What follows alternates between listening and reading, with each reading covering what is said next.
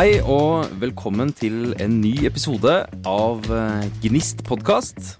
Mitt navn er Bård Østerbråten, og jeg har med min faste makker. Geir Ove sitter her.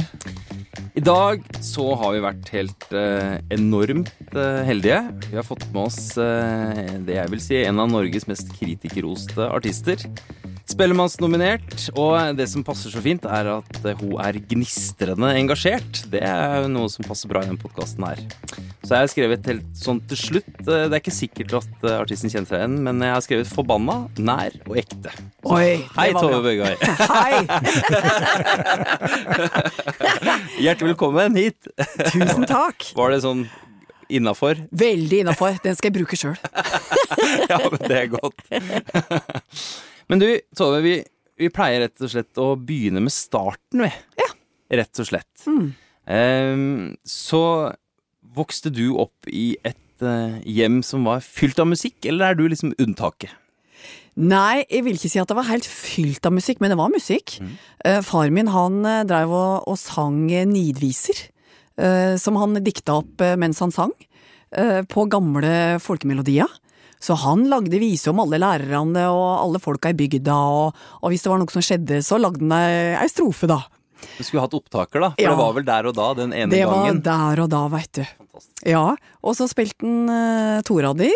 Uh, og, og kunne jo disse gamle folkevisene på rams, da Faneturen for eksempel. Sang jo alle versene, og det var ja. Så Det er jo et par òg. ja, det er et par. Ja. uh, og hun mor, hun hadde jo kassegitar, og, og hadde jo lært eh, eh, A og D og G. Så det lærte hun bort videre. Eh, så jeg begynte å spille på det når jeg var veldig liten. Og så eh, så de at jeg hadde interesse for det, så da ble det jo eh, en av de første elevene på kulturskolen i Ål. Og fikk Arne Morslåtten som gitarlærer. Oi, ja, det var, må være bra. Det var veldig bra. Så, så da begynte vel da jeg gikk i andre klasse, kan jeg tenke meg. ja. Jeg skrev, jo, det måtte jeg ha gjort, for, og så skrev jeg første visa mi da jeg var åtte år. Oi, åtte år! Åtte år, og, og det var ei vise om uh, fraflytting fra Bygde-Norge. Allerede da. Allerede da. Lite da- visste du. Ja, fordi, for da hadde forfaren min jobba nede på Øyo, på fabrikken, så da hadde jeg en avdeling nede i Ål. Og så ble den uh, lagt ned. Uh, og da snakka de alvorlig rundt middagsbordet om at vi skulle flytte. Rett og slett flytta til byen, for da var liksom fabrikken hans borte, og de uh, var veldig tvil om han fikk seg noe arbeid. Han var jo fabrikkarbeider, mor var husmor, og, og så hadde vi dette vesle småbruket eh, med sauer, og, um, og det husker jeg, det gikk så innpå meg at vi, og jeg så helt for meg at vi skulle flytte ifra Skrindo, og, og det var, småbruket ble eh, ståa natt der, eh, og bare forfalle. Og denne visa handla om at vi reiste inn til byen, og, og vi kom aldri hjem igjen før liksom 20 år etterpå så kom vi endelig hjem igjen. Og da var alt gjengrodd, veit du. Det var liksom Huset hadde nesten datt ned, og det var liksom ikke nesten mulig å komme fram, for det var, alt var bare attgrodd. Eh, Så det var en veldig trist vise, da. Men starta altså da ditt eh, politiske engasjement Ja, da? Det gjorde det. Ja. Mm.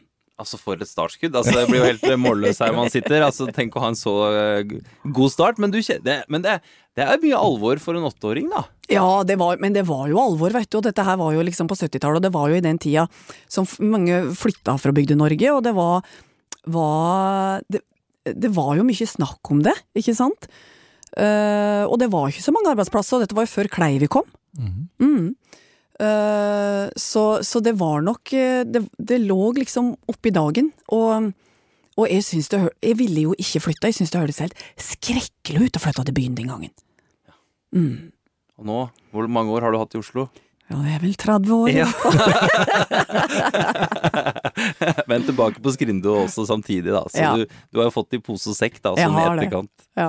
Men uh, gitaren har du jo tatt med deg videre, da. Men toraderen, er den, uh, har, fikk den noe eh, medfart, eller fikk den stå fint i fred? Nei, den fikk stå fint i fred for meg, men Anita, søsteren min, hun er jo åtte år yngre, da, men vi har, har jo spilt mye i lag, og hun fikk jo lyst til å spille torader, men da hun fant ut at det, det var i grunn bedre å spille femrader, slik mini-femrader.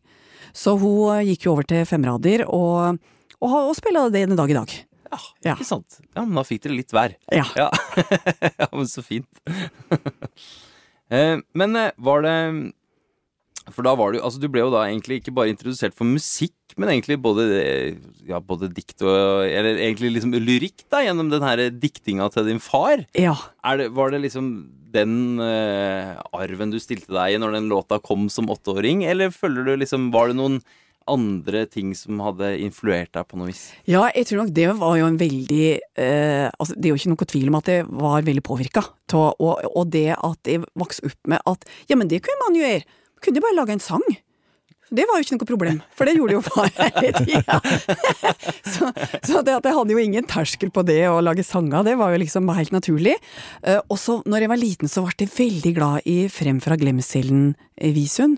For da kom jo disse, alle disse her, de ga vel ut 20-25 Ja. stykker. Ja. uh, og, jeg, og jeg elska disse gamle Jo tristere det var, jo bedre. og I en sal på hospital, og Se et skip forlater havnen, og alle disse herre gamle, kjempetriste sangene. Så jeg tror nok at den derre uh, visa mi, da, den var nok kanskje aller mest litt sånn Fremfra glemselen-vise inspirert. Ja, Så det var liksom åtteåring eh, med melankoni, liksom, som uh, Veldig, Ja. veldig mollstemt. Ja. Ja. ja men Hvor gikk veien videre da? Da lærte du deg sikkert noen flere akkorder, da? Jeg lærte hvert. meg flere akkorder, ja, og, og, og på den, eh, det gitarkurset da, til Arne Moslåtten, så skulle vi jo egentlig lære å spille etter nota. Eh, Og klassisk gitar var jo det som var liksom sjølve på en måte kurset, da. Eh, Og det syntes jeg var skrekkelig kjedelig. Altså, jeg hadde ingen interesse av å spille etter nota. Så, så det skjønte jo Arne etter hvert, så han sa at eh, Og da var det en sånn viseklubb på Ål den gangen, dette var jo på 70-tallet.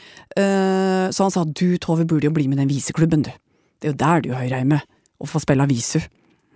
Men så ble jeg aldri med i den viseklubben, for jeg var jo liksom så ung og ja, syntes det var veldig skummelt.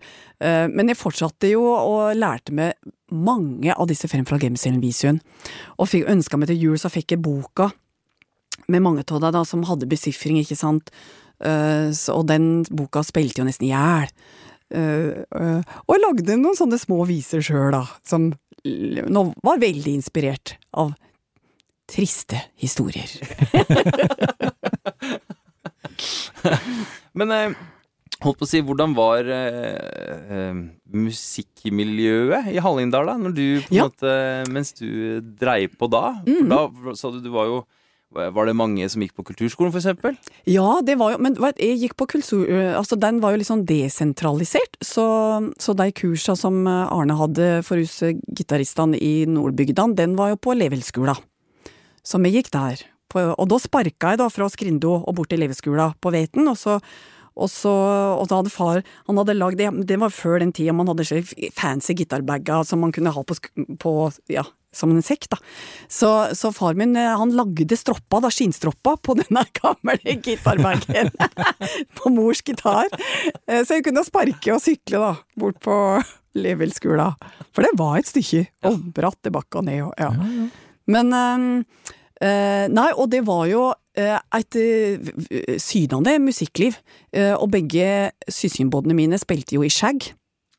Ja.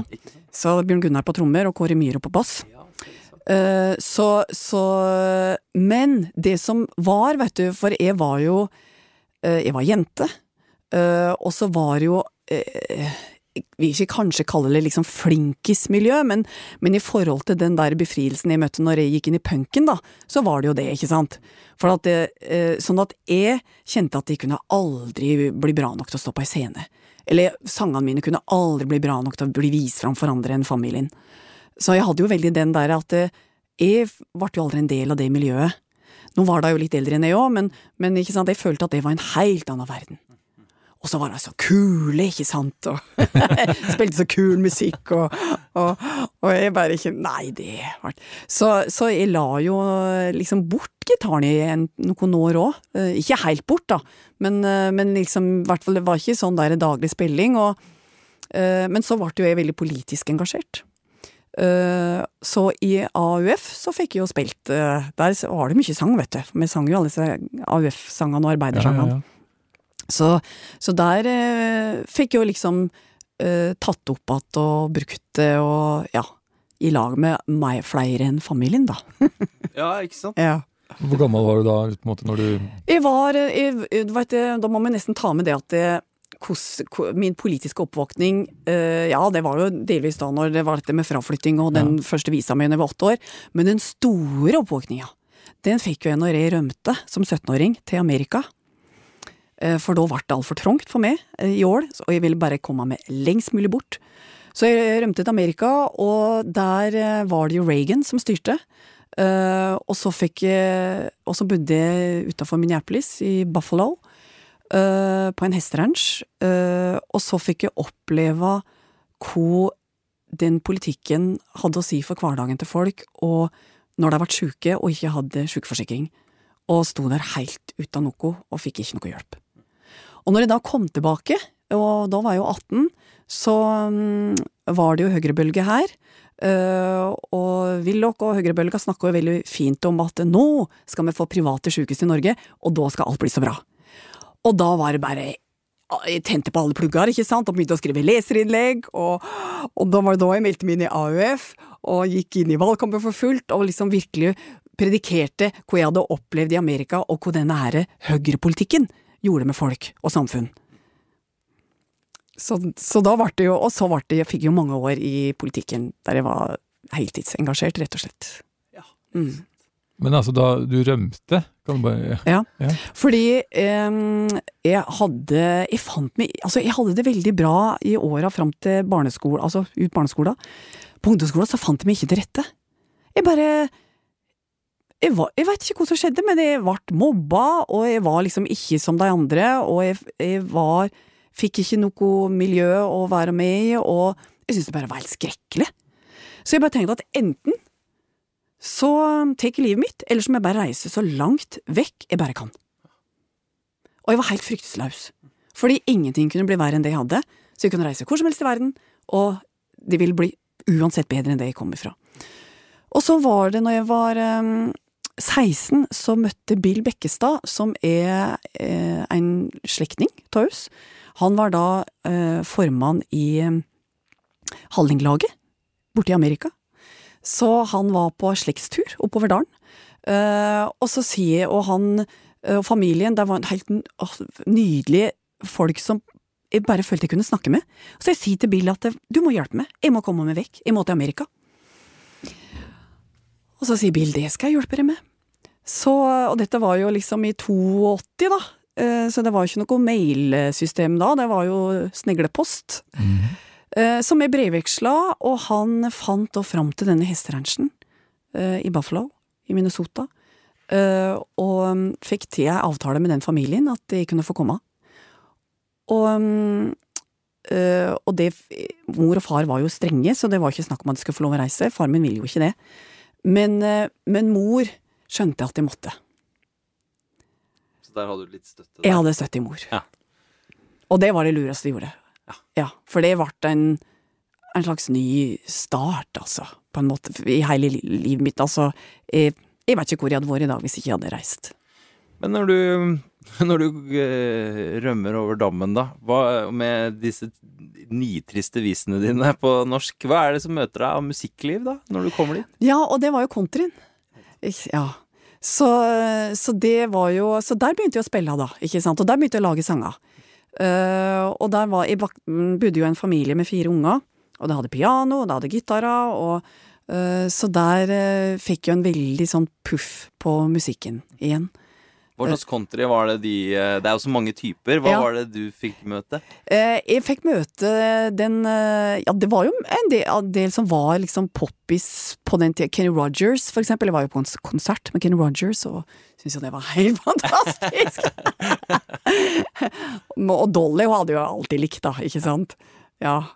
Og, så det var jo liksom den kan du si 70-talls, tidlig 80-talls-countryen som var i tida. Mm. Hvor mye ble med i sekken hjem, da? Av den? Ja, de ble jo med meg veldig Og Willy Nelson, eh, Emily Harris altså, De ble absolutt med meg hjem igjen. Så, så jeg var jo Jeg føler jo at jeg alltid har vært inspirert av Jeg føler at det ligger liksom veldig i bunnen i ryggsekken, på en måte. Og ja. Men så kommer du hjem med sekken full av country, og så blir det punk. Ja, ja, ja. Absolutt. Og det er jo ikke de som tror at det er lang vei det, altså mellom country og punken, de har vel ikke helt fulgt med i historien? Nei, jeg har ikke kanskje? fulgt med, vet du, for, For det der er er det jo kort vei. veldig kort vei. Ja. det er jo bare å spille countryen veldig fort, så er det jo Det er jo Altså, de samme tre tre akkordene, ja. Ja, ja, ja. Det er absolutt det. Men eh, hvor lenge var det du var i USA? ett år. Et år, ja? Mm. Men eh, opp, og, og oppdaga du altså da punken i USA, eller? Ja. Ja, jeg begynte jo å høre på rock, for jeg var Ja. jo Ja, og, øh, og jeg begynte jo å høre på Altså øh, Men det var jo den engelske punken som liksom Ja, for det var, jo den, det var den som var der på Ja, 30-tallet. ja. ja. Den eh, amerikanske kom jo ikke før. Den gladpunken som, som, som de eh, lagde, den kom jo noen, noen år etterpå. Den kom noen år etterpå, ja.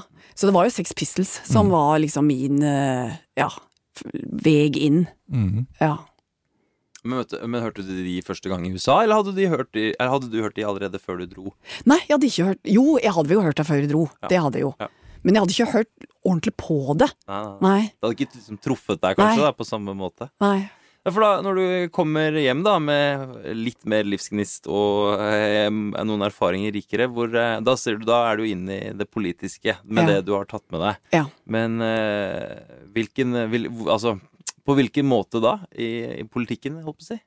Nå, altså, jeg, det var jo nettopp det jeg så at eh, her hadde de liksom amerikanske idealer på høyresida som jeg tenkte at jeg må bare, dette må jeg bare gjøre alt jeg kan for å få stoppa. Eh, Så da var det jo veldig Jeg så jo at det var helt naturlig for meg å melde meg inn i AUF. Ble jo veldig aktiv. Eh, Og så bodde jeg jo Når jeg kom tilbake, så var jeg jo ett år eh, og gikk på yrkesskolen på Ål. Og så flyttet jeg til Drammen. Eh, Så der ble jeg jo veldig aktiv i, i AUF i Buskerud, som hadde hovedsetet sitt i Drammen. Så jeg ble med i fylkesstyret, og så ble jeg jo etter hvert ungdomssekretær for LO og AUF i Buskerud. Og så jeg jo, kom jeg jo inn på fylkestinget som 21-åring eh, for Arbeiderpartiet, og ble da også leder for hovedutvalg for kultur i Buskerud. Ja. Wow. En kjører. Ja. Ja da, dårlig tid. ja, ja, ja. Men eh, da, da er du ganske opptatt av hvordan har du plass til musikken oppi alt det der? Nei, så da var jo det mye Det var jo liksom bruksmusikken i Ja. AUF og Røysla. Mm. Vi har jo et fantastisk musikk, eh, ja, musikkskatt eh, i arbeiderbevegelsen. Eh, med de gamle arbeidersangene. I, i, den dag i dag så får jeg jo tårer i øynene og, og hjertebank når jeg synger disse gamle arbeidersangene. Internasjonal, for eksempel. Jeg bare ja, det, er- ja, nei, det er så mye flotte sanger fra den. Ja, så gamle, gode kampsangene. Men eh, for veien gikk etter hvert eh, videre til Blitzhuset, gjorde Ja. den ikke det? Det stemmer. Og det er jo kanskje en, en Altså det er jo en, en Hva skal man si da? En annen måte å uttrykke seg på, da. Kanskje innenfor politikken. Ja, absolutt. Og det som eh, var, eh, var at det begynte jo mens det, Vi hadde jo også en veldig musikkinteresse blant medlemmene i AUF. Og som gikk jo på rockkonserter, og det var jo mange som spilte i band. Eh, så det var jo på den tida veldig mange spilte i band, sant. Eh, eh, så da begynte jeg å spille elgitar. Så det var jo mens jeg var AUF-er at jeg begynte med det. Og så tenkte jeg at jeg må, jeg må komme meg inn i et miljø der du som jente kjenner at du fikser dette instrumentet. Fordi det var veldig altså, Elgitar sjøl da, dette var jo liksom, ja, tidlig 80-tall, men det var veldig mannsdominert, da. Det var jo få jenter som spilte rock og som spilte elgitar. Eh, så jeg tenkte Yes, Blitz og AKS.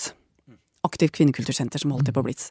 Så da eh, Mens jeg da var jo politiker og satt på fylkestinget og ikke sant, så begynte, og bodde i Drammen, så begynte jeg å ta toget inn til Oslo og vanke på Blitz og AKS, og begynte på elgitarkurs. Og, og, og kom inn i mitt første punkeband der, som heter Perle forsvinn. Hvordan, hvordan var det, da? For du setter jo noen ord på eh, kvinnelig rockegitarist. Det var kanskje ikke det mest vanlige man drev med på starten av 80-tallet. Hvordan Nei. var det å kanskje på en måte komme til et sted, sånn som jeg hører det, hvor du jo egentlig får plass? Åh, det var helt befriende. Uh, og, og det som uh, Det som jeg kom i Det som du føler veldig på, er jo at alle er så flinke, og du må være på et veldig nivå for at du i hele tatt kan tenke at dette er noe du skal liksom holde på med. Mens eh, på Blitz hadde du noe å melde, så kunne du gå på scenen. Det var det som var viktig. Hvor god du var på å spille, det spilte ingen rolle, du måtte ha noe å melde. Og det kjente jeg meg så hjemme i. Så det var jo Vi spilte jo i noen uker, da. Mekka noen låter og gikk rett på scenen på Blitz og stormet jubel og føltes som de rockestjernene. Hvilke, hvilke type forbilder var det du hadde da? Uh, i den, på den tida der så Jeg blei jo veldig inspirert av Lita Ford, må jeg innrømme. Oh, ja, ja, Fordi hun var jo en veldig dyktig gitarist. ja. Uh, og jeg hadde jo den i uh, drømmen om å bli en veldig god sologitarist. Eh, så både Lita og John Jett Ja, for Joan Jett er kanskje litt mer enn punkete. Ja. over jeg husker nå, som jeg husker Lille, Da hun gikk jo veldig heavy rock ja, for hun gikk litt over den litt polerte 80-talls heavy rocken. Absolutt. Men jeg hørte mye på det òg. Ja. Ja. ja, det var jo det som var på ti skuddet på den tida. ja, ja, ja. Visst var det det. Men perleforsvinn, er det en Jokke-referanse, eller er det en eh, ko- ko- Kommer du på det sjøl, holdt jeg? Nei, altså med, med, det er jo, er jo et eh, gammelt ordtak, bare rett og slett. Ikke sant? Det er jo det med å kaste perler for svin. Mm. Eh, så, så vi tok nok bare fra det ordtaket. Det er tøft, da. Det er, det er bra bandnavn. ja, veldig. Men eh, for da, og da er du innom Da, da begynner egentlig litt sånn eh, Begynner å skyte litt fart, kan man si det? Da begynner liksom å balle litt på seg med flere prosjekter, etter, musikalske prosjekter og sånn? Ja, absolutt. Eh, og da var vi jo det, Og det var jo veldig fint å være en del av det Blitz-miljøet og AKS-miljøet.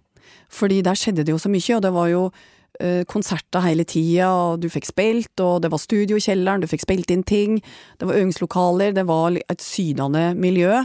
Eh, og mm, AKS eh, ga jo også ut to eh, samleplater med ba- banda som tilhørte AKS, Ja. tidlig på 90-tallet. Mm. Volum 1 og volum 2, uh, Stiff Nipples. Ja, Ja, heter det. Ja. Så der var vi jo med. Ja. Uh, og så forandra vi jo navnet etter hvert til Pineapple Chunks. Ja. Mm. Så vi ga ut en uh, firespors EP med Pineapple Chunks. Den har vi prøvd å, å, å finne, men det har vi ikke klart. Nei, den burde jo hatt Så det burde neste gang, så får, får du ta med et kopi. Ja, det var noe vi bare fant her sånn tilfeldigvis når heter mye graving på Google. Ja. Men eh, hvordan eh, Altså, eh, hvordan er øvingsrommet til et band hvor det å ha noe å melde er det viktigste? Hvordan er, egentlig, hvordan er da liksom øvingsromkulturen? Uh, ja, nei, det er et godt spørsmål. Fordi eh, du vet, Aks og Blitz var jo en eh, smeltedigel av folk. Uh, og noen var jo der først og fremst av musikken, men veldig mange var jo der først og fremst på, for, ja, på grunn av det politiske engasjementet. Og, og så hadde du jo også en del som bare var der, liksom. Ikke sant? Sånn som jeg på alle, alle sånne samlingsplasser. Eh, og, og Blitz var jo opptatt av at det skulle være narkofritt. Eh, men at vi også hadde ah, periodevis litt sånn trøbbel med det, må man jo kunne innrømme ja, i ettertid. Men, men eh, alt i alt så var det jo en veldig fokus på det man holdt på med. Men det var jo ingen der som var opptatt av hifi. Så, og fine forsterkere og fine instrumenter. Og det, det var Folk hadde lite penger, og man brukte det man hadde. Uh, og det var jo ganske rølpete, uh, liksom både lokalene og, uh, og det du spilte på. Eh, men det måtte jo være sånn, fordi det vi spil, dreiv på med og spilte òg, var jo rølpet, og det skulle være rølpet. Ja. Ja. Men hvordan var jeg tenker på den der balansen da med fylkestinget, Arbeiderpartiet og ytre venstre, hvis man sier det sånn. da. Eh, hvordan balanserte du det? Hvordan var den balansen der? Nei, jeg følte at det gikk veldig greit. Det var nok heller omvendt at de syntes det var veldig, at blitzerne som òg visste at det var Arbeiderpartipolitikere Ja, de syntes det var litt sånn merkelig. Det var eh, Mens Arbeiderpartiet var sånn oi, ja nei, men du, ja, du får nå bare holde på. så, så der var det Nei, jeg opplevde at det var romslighet.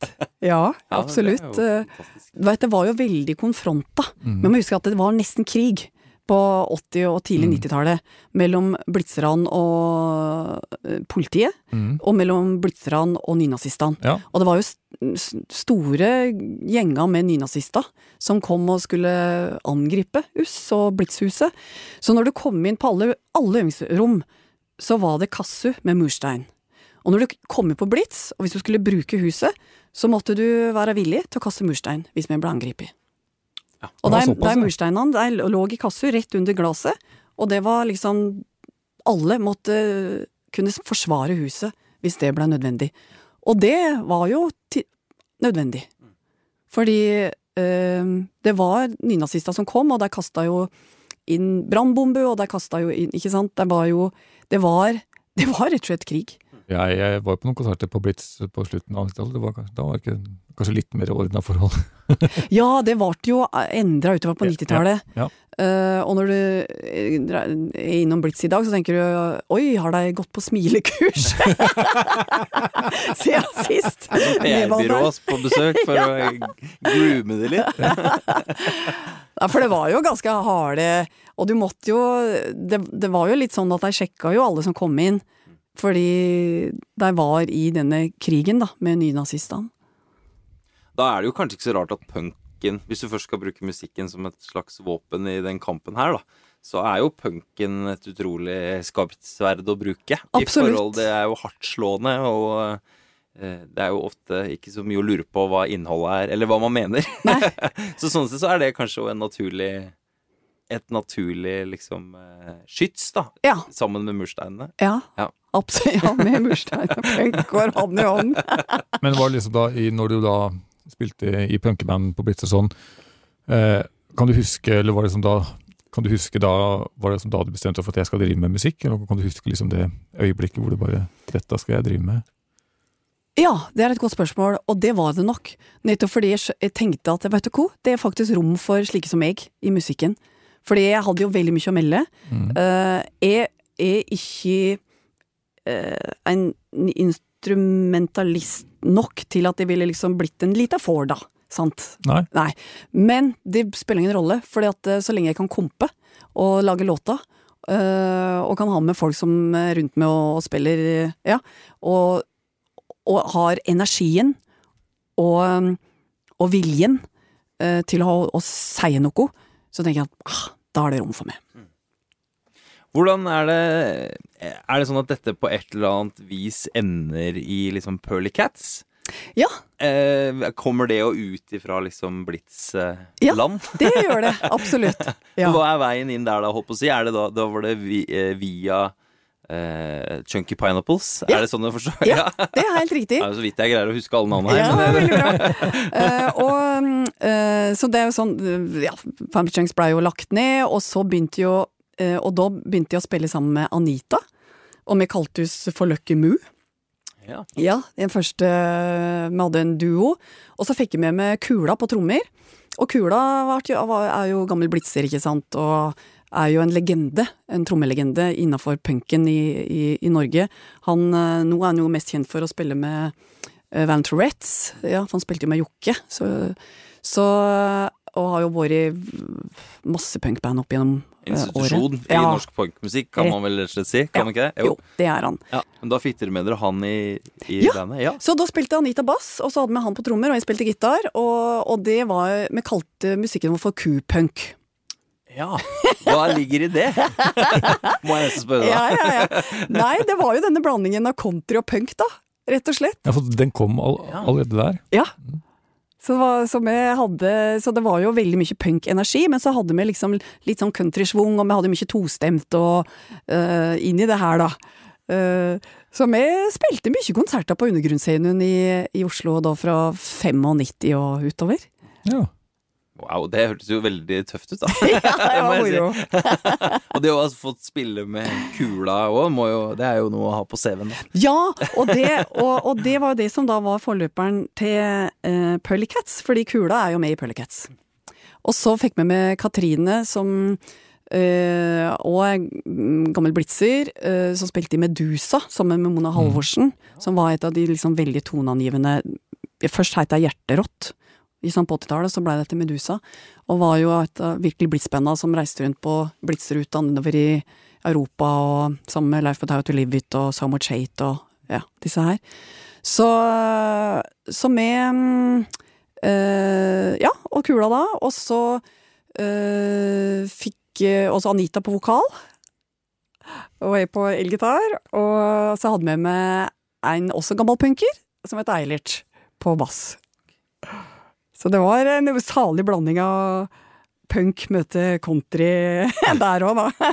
Men, men, men var liksom eh, Var målet det samme du, med Pearly Cats som når du begynte først med på Blitz, holdt på å si? Er, Nei, var det liksom det- samme Endra seg jo, eh, Ja. ja. For det var jo um, uh, Pellicats var jo et veldig sånn overskuddsprosjekt for oss alle.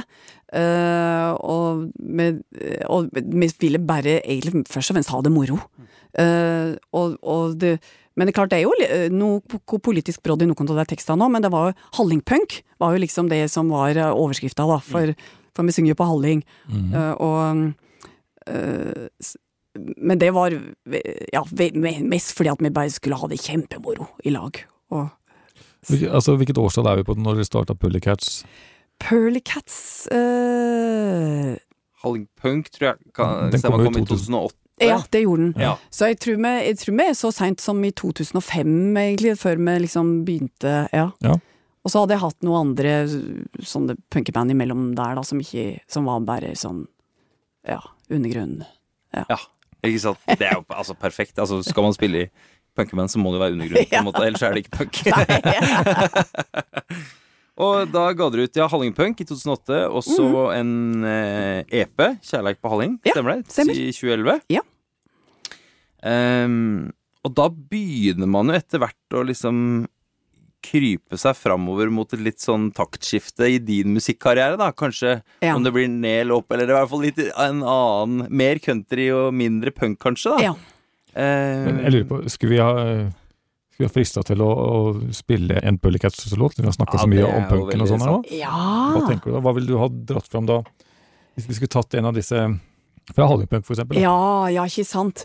Uh, nei, men Harald er på sprang, da. Harald-låten. For det handler jo da om en, en gammel punker, som er en, også en levende legende. Uh, som var liksom uh, veldig god på husokkupering. Ja. Så, så i denne eh, Harald-sangen da, så, så har vi omskrevet det litt, da, for da har vi rett og slett eh, lagt historia til Vass. For da reiser hun oppover i Vass, og så ser hun jo disse nedlagte gårdene, så tenker jeg at det er jo samme tanken som man hadde i Oslo. En bygård skal jo ikke stå tom. Folk trenger hus, og hus trenger folk. Og han hadde jo da den samme ideologien han kom oppover til Vass, og der så han jo at det var garda som ikke det bodde folk på, så han okkuperte garda. I Vass. det handler den sangen om. Det er for øvrig en strålende video og til denne låten. Det fins det òg, ja? Ligger den på YouTube? eh? Ja, den ligger på YouTube. Mm. ja, det må vi få linka til her. må vi få linka til, tenker jeg. Ja, men da klarer ikke jeg å holde meg lenger. Da, Ja, men da setter vi på Harald la på sprang. Ja. da fikk vi, Det var veldig gøy å få høre litt. Litt eh, punk. Det er for lite, for lite punk, sånn i det store og det hele. Er det Ja. ikke det? Jo. I 2023? Tenker det òg. Men i, i punken så har du jo, har du jo synget på norsk. Eh, hele veien, egentlig. Men du hadde jo da òg gitt ut noe på Blir det da riktig å si amerikansk? Ja, det blir riktig å si. Ja. Ja. Hva var, hva var det for noe? Ja, det er fordi når jeg og Anita drev med denne Lucky Moo, da, som er liksom skypunken, eh, så eh, begynte vi å skrive sanger som bevegde seg litt mer bort ifra skypunk og mer over i et ja, countrylandskap. Og så eh, For å gjøre en lang historie kort der, som, som var også en svinga innom Amerika, og vi jobba med produsenter i Amerika og i det hele tatt, men da skrev vi jo på engelsk. Og Fortell, vi har så god tid. Ja, ikke sant. Vi trenger ikke den korte versjonen. Nei, vi tar den lange. Ja, det gjør vi. Ja. Eh, Nei, for vi, vi ble jo liksom eh, litt sånn headhunta av en eh, norsk-amerikansk produsent som heter Leif Johansen. Som eh, ja, jobba med a-ha, driver, driver Stable Studios i Oslo. Og han hadde lyst til å gjøre en platemus. Så, han, så der var vi og spilte inn ei hel plate. Og så, eh, sammen med han, så fant vi ut at eh, vi hadde lyst til å prøve å få til noe i Amerika, og kanskje reise over og skrive noe med, med låtskrivere der, i Nashville. eh, og jobbe med en amerikansk produsent som heter Jay Ferguson, som holdt til i Santa Barbara. Så vi reiste jo over, og først til Nashville, der vi skrev låta i lag med andre uh, låtskriva i Nashville-fabrikken. Du vet, Der går de på jobb klokka ni. Og så skriver de én låt før klokka tolv, og én låt etter klokka tolv. Det var sånn da også, ja. Ja da, det var det. Men åssen er møtet med det når du kommer fra Norge med et brennende rødt hjerte? Ja. Det må være ganske eh, Det var interessant. interessant. Ja. Hvem syns at hvem var gærne, på en måte? Ja, nettopp. Nei, så jeg tenkte at nå skal jeg bare liksom virkelig bare eh, nyte det her, og få det med meg. Og bare liksom se hvordan, dette her fungerer. Bare liksom legge piggene vekk, og så bare liksom være helt åpen, og se om, om dette kan bære frukter. Uh, og det var fine låter som ble skrevet, men det var feil for oss. Så ingen av de låtene ble med videre. Uh, For det, det er jo noe med den der sånn strigla Nashville-countryen som alltid, i forhold til hvilket tiår du er i, og, eller der forandrer seg sikkert hvert femte år, så er det liksom Det blir veldig likt. Eh, og, og de er jo egentlig bare opptatt av å skrive hitta, ikke sant? Fordi det er jo det de tjener på. Radiospilling. Så, så de let meg frahusatt uh, når vi kom tilbake til Norge, men, men vi reiste jo til Jay Ferguson i Santa Barbara og spilte inn uh, flere låter. Og Da var det band som han ordna sånn, eller? Ja, da- mm. ja. Så, så der var det Så der bodde vi da Var vel et par uker. Eh, og vi fikk også amerikansk management. Ja. Mhm. Så det var jo liksom eh, Dette skulle jo bli Ja, make it big in America. Ikke sant? og, og managementet hadde jo liksom hatt sånn type CC Topp og og vi, jobb, vi var også og skrev sammen med, med låtskriverne som har skrevet sammen med Cindy Lauper i New York, så da kjørte meg hele veien fra Nashville opp til New York og skrev med deg. Og, Det var et slags eventyr, dette her. Det må man jo kunne si. Kjempeeventyr og så moro. Ja. øh, og veldig og fine ting som, vart, som kom ut av det, men som vi kjente at det ikke var riktig for oss. Og så kom jo 2001 og, og terroren, og øh, plutselig så var det liksom Amerika var ikke Vi kjente at det var ikke der vi skulle prøve å få det til likevel. Men hadde dere noe backing når dere dro over sånn, eller var det bare eh, egen, altså egen, Egen. Ja, Ja. Bare dro på lykke og Lykke og fromme. fromme. Ja. Og så var det jo men veldig tufta på Leif Johansen sine kontakter. Så han hadde jo beredt grunn for oss. Han var jo med over også. Og vi var jo over eh, to eller tre ganger. Uh, ja. Og den ene gangen bodde vi jo en hel måned i Nashville.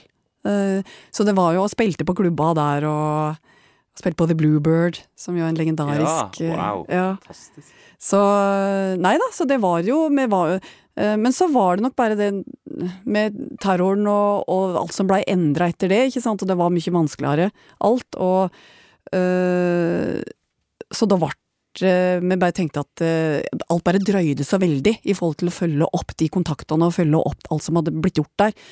Eh, Så til slutt så sa han bare, veit du hva, vi velger musikere på øverste hylle her i Norge, og så gir meg plate her med sangene som har vært med oss, og som, som er våre. Um, og da um, tenkte vi, hvem er best? Hvem er den beste gitaristen? Jo, det er Geir Sundstøl. Vi ringer til Geir Sundstøl. så vi ringte til Geir Sundstøl. Og det har folk aldri slutta med. Det gjør Nei. folk fortsatt. Ja, ja, ja. Og lurte på, kan du bli med? Ja, det var greit. Ok, hvem er den beste bassisten? Jo, det er Jørund Bøggeberg. Vi ringer til Jørund Bøggeberg. og så, hvem er beste trommisen? Jo, det er jo fetteren vår, Bjørn Gunnar Sando. Stemmer. Ja, så han ble med på trommer. Ja, fantastisk. Ja. Så da har du liksom da disse låtene har blitt bearbeida og modnes i USA, Ja. og så tar du med alt hjem, og så gjør du det på norsk. Yes. Og så- men med engelsk tekst Ja, var ja, det jo ja, ja, Mm. det vet jeg, men, men- men- mm, men vi gjorde det, ja, og, på, og vi spilte det inn uh, ute i, i Spydeberg. Jo, um, Martin Hagfors. Ja. Så da var jo han som var med og, og egentlig var produsent. Da er du en som kanskje forstår begge, Ja, det var jo begge land, da. nettopp det Ja. han gjorde, og var, var helt perfekt for oss. Mm. Ja. Og, og så hadde og Aslak Haugen var jo innom og var med og sang på en sang, på to låter. Ja. Så nei, det var en veld, kjempefin oppleving, og, og med en måte å gjøre Litt sånn rufsete og leiv, ikke sant? Vekk fra det der veldig glatte, produserte som, som jeg følte vi hadde borte prøvd putta inn i. Uh, og til det som var liksom mer rufsete og ja, litt mer edgy og mer ærlig. Er det det det vi i dag prøver å kalle americana? Ja, På et eller annet vis, kanskje? Det er det jo. Som er på en måte Steve Earl i Ja, countryen, og i, ikke så mye Keith Urban. Ja. Men eh, ja, det er noen forskjeller der. Mm. ja, og da ble jo det en eh, strålende skive. Hvor tok den dere? Ja, den tok oss jo eh, ut på veien, eh, rett og slett, fordi vi fikk mange spillejobber på den plata. Vi fikk fine omtaler, og reiste rundt med bandet, da, og spilte mye overalt. Og mm, Og så begynte vi å kjenne på det her at for meg for oss så var jo, selv om vi skrev på engelsk, så var jo tekstene veldig viktige. Eh, og vi kjente at folk eh, var jo mer altså pålogga når vi snakka om, om låtene, mellom låtene, enn i tekstene vi formidla, fordi når det er engelsk, så blir det et filter. Mm. Eh, og så begynte vi å tenke at tekster er så viktig for oss, vi har noe vi vil si, vi må begynne å prøve å skrive på halling. Eh, og da kom, denne Bellydream kom ut i 2004, så uh, da brukte vi fire år på å liksom klare å få det til bra nok, til at vi kjente at uh, dette blir ei ny plate. Og vi starta med å gjendikte våre egne låter. For vi skrev fortsatt på engelsk, men så satte vi oss ned, og så gjendikta vi dem til halling. Ja, så litt sånn Hellbillies-metodikken. Ja. ja, nettopp. Rett og slett. Ja, den har funka før, den. Ja, den, har funka, den funker veldig bra. Og da, hvilken plate er det som kommer Og ut av dette Og til slutt? Røret ved deg. Uh, ja, i 2008. Så den spilte vi inn i Whorehouse Studio. uh, ja, eh, Ernst Nicolaisen i gamlebyen i Oslo. Og det var jo med Geir Sundstøl og, og Jørund, og da hadde vi fått med Eivind Kløvre på trommer. Mm. Ja, men det er ikke noe Det er en grunn til at de låter så fint, de platene, fortsatt. Ja, Det er jo fordi at det er eh, flinke håndverkere som eh, Ja, gjorde veldig. det den gangen. Ja. Og da står det seg jo den dag i dag. Det er jo det flotteste eh, med det, syns jeg. Og når man har på, på en måte For vår del, da, så er det jo sånn luksus å få lov til å dykke ned i ting igjen, sant? Det blir jo ofte til at man hører på det siste som har kommet. eh, Ja. Uansett om det er deg eller noen andre, så er det jo litt som det man begynner på. Men det er, tenker jeg, det er noen ting som jeg syns virkelig sånn står ut ved din ting, da. Er at det tåler eh, tidens tann. mm. Eh, Takk. Svært godt. Så det, det er jo din skyld, og de du hadde med deg. Men det hjelper å ha med seg de flinkeste folka. Da Ja. blir det jo fint, da. ja, I tillegg. ja. Da er det ingenting å ta på. Men da, når den skiva kommer da i i 2008, begynner det å, å røre seg mer for dere da? Ja, det gjør det, og da får vi jo med, Da har vi, legger vi opp til en turné at, vi og får spilt en god del ute. Uh, vi var med på um, uh, innsamlingsaksjon på live-TV mm. det året. Vi var jo på God morgen Norge, ikke sant. Vi fikk uh, Og vi var også med på noe som heter Lyden av lørdag. Ja, ja. Eh, så, så da var, fikk vi litt sånn TV-rutetid. Og så Og vi fikk radiospilling. Røre ved deg ble jo lista. Men da gir dere jo ut rett og slett eh, Røre ved deg og Hallingpunk Pearlycats. Det er samme år. Ja. 2008. Så Ja, det er jo to Da tenker jeg da får du brukt mye av deg sjøl, da. Ja. Når du har begge de to platene ut samtidig. Ja, da får du gjort mye. samtidig. ja, det var kjekt. Og så dette, dette har jeg jo ingen jeg håper å si, Dette er bare min egen forskning, men jeg tror at da den plata som etter hvert kommer, som heter Blågras på Skrindo, det må jo egentlig eh, være eh, til og med litt sånn før den i dag amerikanabølgen vi kjenner så godt, da. Hvordan, hvordan ble liksom bluegrassen introdusert for deg? Ja. Jeg, jeg hadde jo Jeg hadde jo hatt sans for banjo egentlig veldig lenge. Eh, og jeg hadde veldig lyst til å begynne å spille banjo sjøl. Så jeg fikk kjøpt meg banjo i Det var vel sånn 2008-2000 Ja, rundt der. Ni. Um, og da hadde jeg en sommer hjemme på Skrindo der jeg sto opp klokka seks kor morgen, og så gikk jeg ut, og så spilte jeg banjo. Ja. Så da satt jeg på en sånn Ikea-plaststol. eh, og den første låten jeg skrev da, var jo 'Blågras på Skrindo'. ja. Så det var, først, så, jeg, så det var sånn der, For når jeg skal lære meg et instrument, så må jeg liksom først, jeg må liksom starte med å skrive en låt på det instrumentet, for at det er liksom min innfallsvinkel, da. Uh, så da skrev jeg den. Uh, så den var jo liksom klar.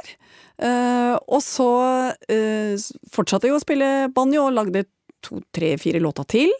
Uh, og så var det jo at vi var i bursdag til en som heter Håkon Asbjørnsen, som er en god venn av oss uh, fra han, mm, Øvre Eiker.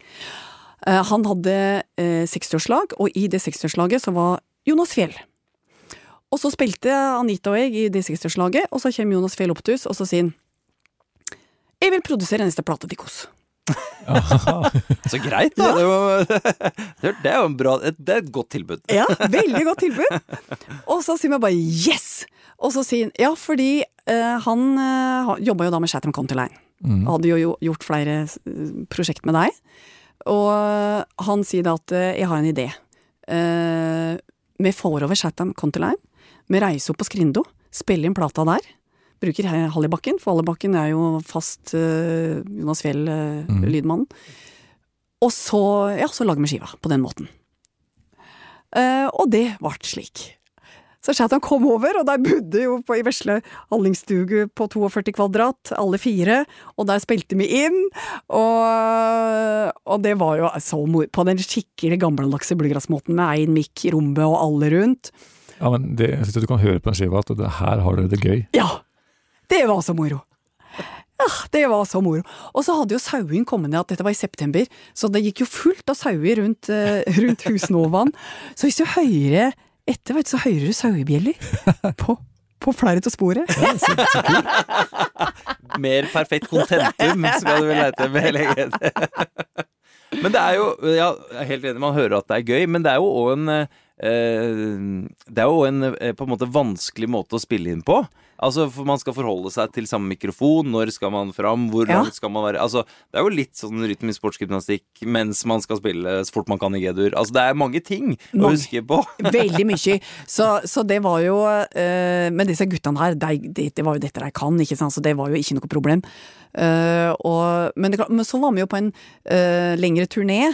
Eh, der vi måtte jo lære dette live, ikke sant? for det er veldig det som du sier. Og du skal absolutt vette hvor du skal være i forhold til mikken, både med gitaren og For ingenting er Alt er bare på mikrofonen, ikke sant?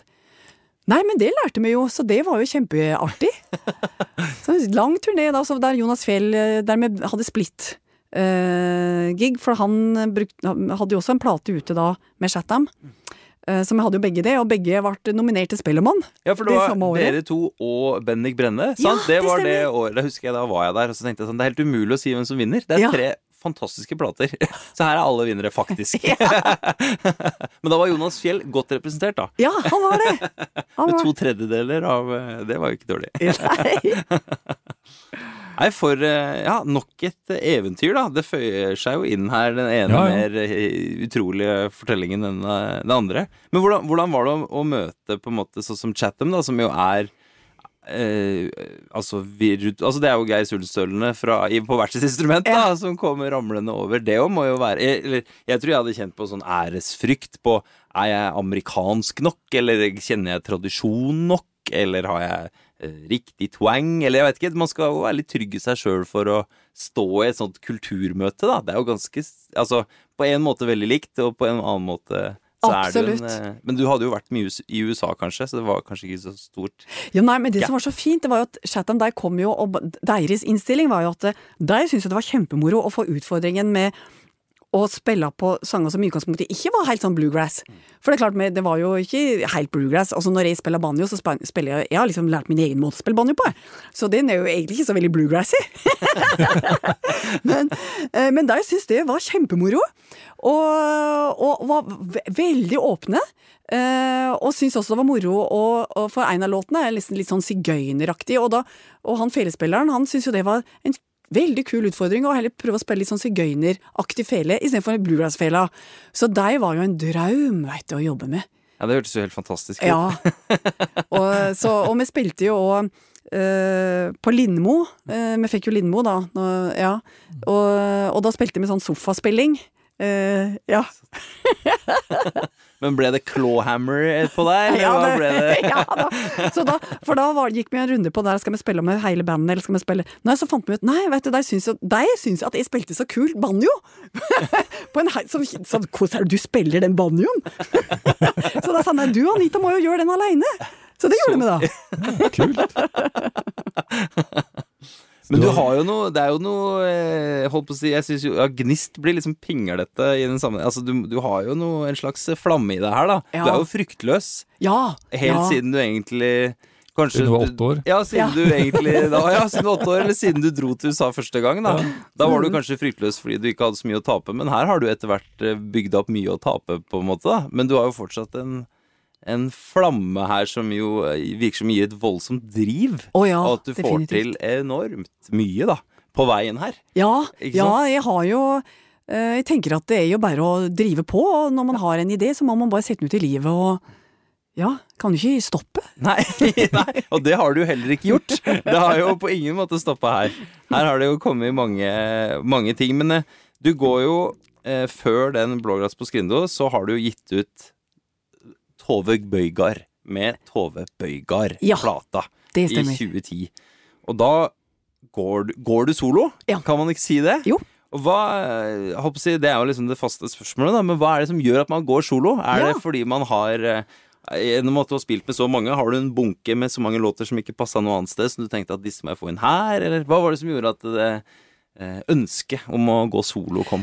Ja, og det gjorde seg veldig naturlig, fordi Anita eh, Egentlig var planen at vi skulle Vi hadde jo da platekontrakt med MBN Records, og, sku, og de hadde opsjon på en plate til. De hadde ett røre ved deg. Og, og da var jo jeg godt i gang med å hadde skrevet låtene, og, og vi var egentlig i gang med å skulle til å spille deg inn i Larsvill studio oppe oppafor eh, ja, Røros. Oppi der. Ja. Og så eh, Men så skjer det at eh, Anita flytter til Amerika. For hun var da i lag med mannen hennes da. Han fikk jobb der borte. Uh, og på et uh, opphold som var egentlig på den tida uten uh, noen definert heimkomst. Det var liksom Der skulle jeg være ganske lenge. Uh, og da er det at det blir en med Anita, så Anita sier ja, men da får du gjøre en soloplate da, Tove. Du har jo låtene. så, så da går jeg til plateselskapet og sier at eh, da blir det slik vi må gjøre det. Og så sier de det er greit, og så, så da ble det til at jeg spilte inn eh, de låtene som solo. Jon eh, Lars oppe i Larsvill. Ja. Ja, ikke sant? Og er du eh, På en måte Produserer du den plata sjøl? Nei, det, Lars Lien Ja. var eh, absolutt produsent på den. Mm. Nettopp, ikke sant? Ja. Så da hadde du på en måte hovedfokuset på formidling og Ja. låtene, og så hadde du på en måte en produsent å støtte deg på, da, Ja. i tillegg. Og så var det jo Grom, Gromkarene som var med at det var jo Geir Sundstøl og Jørund Bøgeberg og Eivind Kløvre Ikke sant. Ja, men da blir det bra. ja. Så har jo Marit Larsen har jo sagt litt sånn seinere, da, men hun sa, har jo sagt at Joni was right. Ja. eh, Sa jo Marit Larsen, og det visste jo du lenge før Marit Larsen, tydeligvis. ja, ja, ja. Og du, du skriver jo fint om Joni, blant annet, på, den, eh, på låta Joni, på den plata her. Eh, og så er, Det blir kanskje litt på sida, men jeg tenker allikevel, hva er det med Joni Mitchell som gjør at eh, folk skriver låter om at de har hørt på Joni Mitchell? ja. For det er jo ikke bare du og Marit Larsen. Altså her, dette er jo på en måte mm, det tenker jeg, det, det er det ikke så mange andre artister som på en måte blir helt sånn naturlig skrevet inn i, i, på, i historiene, da. Så hva var liksom din For det er jo helt tydelig at eh, du òg har et eh, nært forhold til John Mitchell. Ja, og hun, jeg tenker at hun er jo den mest unike altså singer, Hvis man skal bruke begrepet singer-songwriter om henne, da. eh, vi har hatt, uh, og fortsatt har. Uh, og hennes katalog og hennes utvikling fra når hun begynte i veldig sånn folksjanger, ikke sant, og med, med blue, og så, og så videreutvikla seg i mer og mer jazzretning, og, og har korder, og henne har gitarspill, og alle de ulike tuningene som hun bruker for å få fram denne helt spesielle sounden. Eh, og også henne har valg av samarbeidspartnere, ikke sant, som tok henne uh, inn i, uh, i en mer jazza retning, da, men som likevel var så riktig. Og ikke minst hennes vokalbruk. Eh, hun var jo eh, en eh, stilskaper på alt det her. Og jeg tenker at det er fortsatt ingen som Hun er fortsatt øverst på pallen. Det er, det er Joni. Hun er noe her for seg sjøl. Det er jo spesielt Mm. hvor så mange flinke det har vært. Men hun har jo Min opplevelse er at hun har jo på et eller annet vis blitt på en måte eh, musikernes musiker. Ja. Og også en, en eh, tydelig kvinnestemme Ja. inn i 70-tallets eh, utvikling, da, fram til mot i dag, med hva musikk kan være. Ja. Så det er jo eh, tydelig å, å se at det har gjort dype, dype spor. Men det er, det, er, jeg tenker det, er, det er litt spesielt da, at du også da har liksom Det å til og med synge om en annen artist, det er jo på en måte litt spesielt. Ja, det er jo det også, men jeg er jo også veldig fascinert av historia hennes. Og hvordan hun eh, valgte musikken, alltid. Og hvor tru hun var mot um, Altså den Altså, for henne så var det Hun hadde ikke noe valg, hun måtte følge, følge musikken. Og, og der er jo Det som jeg også synger om i den sangen, er jo nettopp når hun skiller seg fra Graham eh, Nash og reiser ut i verden eh, fordi hun bare kjente at det var det hun måtte. Eh, og han sitter der med kjempekjærleikssorg, og hun hadde jo òg det, for hun var jo en, den store kjærleiken, men hun kjente bare likevel at eh, hun måtte være fri for å kunne skape og gjøre det hun kunne med musikken. Så det er jo en parallell mellom Johnny og Tove her, da, som Ja. er ganske sterk. Nei, men det var veldig Det er en fantastisk låt. Joni, den må Takk. alle sjekke ut. Den er veldig fin. Og, og da fikk jeg, etter jeg hadde hørt den plata, så satte jeg på en plate med Joni etterpå, for jeg følte det var liksom Ja. Den, den innbyr til det. Men det passa fint. Men da må vi nesten snurre den, da. Må vi ikke det? Ja. Vi hører Joni. Så skal vi over i en eh, litt eh, ny, eh, ny vei, kanskje. Nå har vi jo akkurat fått vite at det kommer en ny plate i 2023. Ja, Så da føler jeg meg sikker på at jeg kan kalle det en kvadrologi. det kan du. Ja, og ikke en triologi. Og da når vi satt og jobba med dette her, jeg og Geir Ove, så skrev vi, neste, skrev vi at det må jo komme en plate om vann her. Ja. Det er jo det som mangler. Nettopp. Eh, Men, eh, men den, begynner jo, den begynner jo før. Den begynner med plata Blåe drag.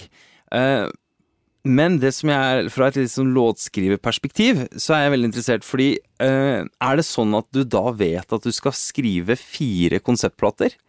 Det er det som er det spennende, at det visste jeg ikke da. Nei, Nei. nettopp. Så hva er liksom inngangen til Blåe drag? Blåe drag var jo hele forløsningen på eller, altså, Tove Solo, egentlig. Eh, For det var jo Når jeg skrev den første soloplata, så var det jo låta jeg hadde egentlig skrevet med tanke på duoen. Og, og, og man kan nok fortsatt høre at det var Det er litt sånn i Bøygarlandskap.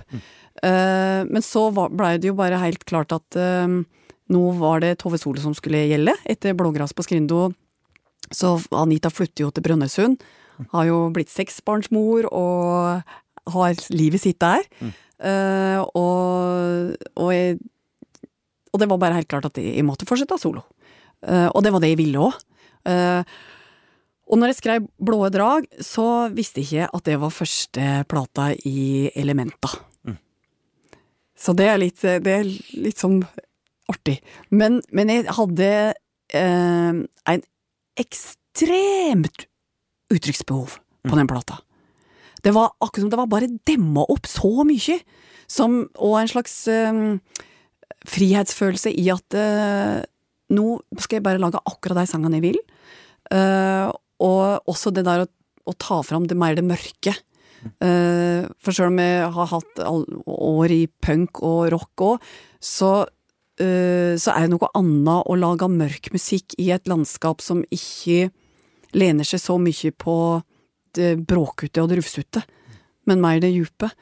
Eh, så det var en eh, veldig kraft, altså, bak den plata. Og for min del så er det, ikke, det kan hende at det blir en litt uh, for stor forenkling, men når jeg har hørt på plata, så står det veldig sånn tydelig for meg at det er liksom eh, det er samfunnsengasjement, Ja. og så er det familie. Ja. Det er liksom det som står igjen sånn tekstlig for meg. Uh, eh, I mange låter, men, men da den, den som ikke søv, med samfunnsengasjementet som jo rett og slett, som du jo setter ord på, bare bobler over, ikke sant? Hvor du jo har mange erfaringer sjøl. Eh, og med låta Tre, Ja. som sier noe om det med familie og eh, ut i verden erobre for å bli sett. Så her er det jo et eller annet behov for å bli uttrykke seg. Og så ble greina helt aleine, du ble ditt eget tre, og her er det jo en seksbarnsfamilie etter hvert og i det hele tatt. Så det er sikkert mange ting. Eh, men det er jo både store spørsmål, er min opplevelse på den plata her, men òg veldig store musikalske forskjeller. Ja. Her er det liksom Sjanger er ikke viktig for deg på denne måten lenger. Ikke i det hele tatt, og det var noe av den friheten jeg kjente på, og som jeg bare ble enig med musikantene mine og Freddy Holm som har produsert, at eh, det vi skal ikke tenke sjanger i det hele tatt. Vi skal bare tenke at hvor låt skal få den rette innpakningen. Det som, det som denne låten trenger, og som, som eh, skyver fram mening og teksten, og som, som liksom s- bare er riktig for denne låten, uten å tenke på at uh, ja, nå blei det uh, rock, og der var det plutselig nesten litt bluegrass, og der var det, ikke sant Det, det spiller ingen rolle. Så det er jo rett og slett kompromissløst, Ja. vil jeg si. Ja. Ja. Her er det litt sånn, ja vel, store plateselskaper i hytt og dynevær og masse ting, men nå er det, nå er det Tove som bestemmer. Ja. Ja. Det er utrolig kult, og, og jeg tenker jo det er forfriskende Altså 2017, det er jo det er en stund siden, det er allikevel ikke så lenge siden, og det å gi ut en konseptplate det var vel ikke akkurat det hippeste man kunne gjøre i 2017. så der òg er, du- er du jo brutal, da, i at du sier at sånn her er det, og sånn blir det. Og så eh, syns jo jeg da at det det har endt med, er jo at du lager jo plater som står utrolig støtt hver for seg. Eh, så blå drag er virkelig blå drag. Og så er jo da spørsmålet, når det da neste plata Jord kommer, har du da liksom tatt koblinga sjøl på at her er det noen elementer, eller har ikke den kommet ennå? Jo, den kom da.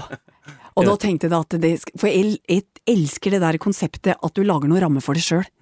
og, og jeg synes når man For meg er den albumtanken helt essensiell.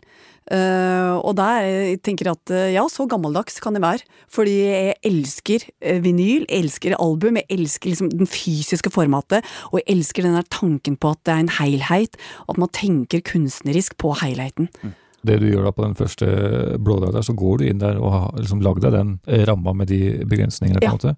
Men selv om du ikke visste at det skulle bli så stort, så er det liksom med hud og hår inn i den firkanten. Så Ja. du skal dytte alt, og det skal passe. Ja. Det er jo utfordrende. Ja. Men på en veldig kul måte.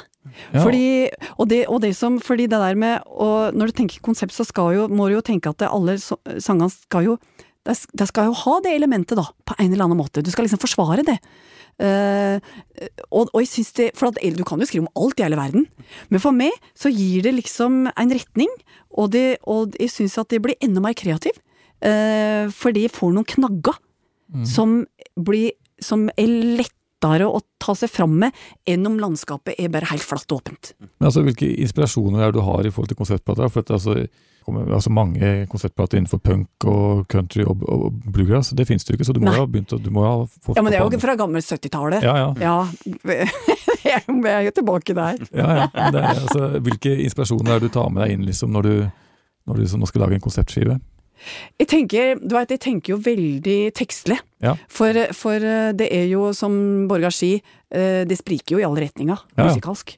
Eh, Så det er klart at det Og for meg når jeg skriver, så er det jo Kommer tekst alltid først. Jeg kan vel kanskje telle tre låter der det har vært omvendt, men det, For det blir ikke sang hvis ikke det er en tekst. For det er teksten som er, ja. Så da, da er det den drodlinga og den derre ja, poetiske drodlinga, da. Mm. Eh, og temadrodling. eh, og av og til research. Eh, og så er det jo noen sanger som bare kommer tjo, sånn. Og så er det andre som jeg jobba med i ukevis og månedsvis. Du skriver egentlig en plate som om du skriver en bok, du. Ja. Mm. Rett og slett. Men når du da skal gå i gang med, med Jord, som kommer i 2019, er det hvordan Eller for meg, da, så ligger det jo i jord, det er jo egentlig veldig lada.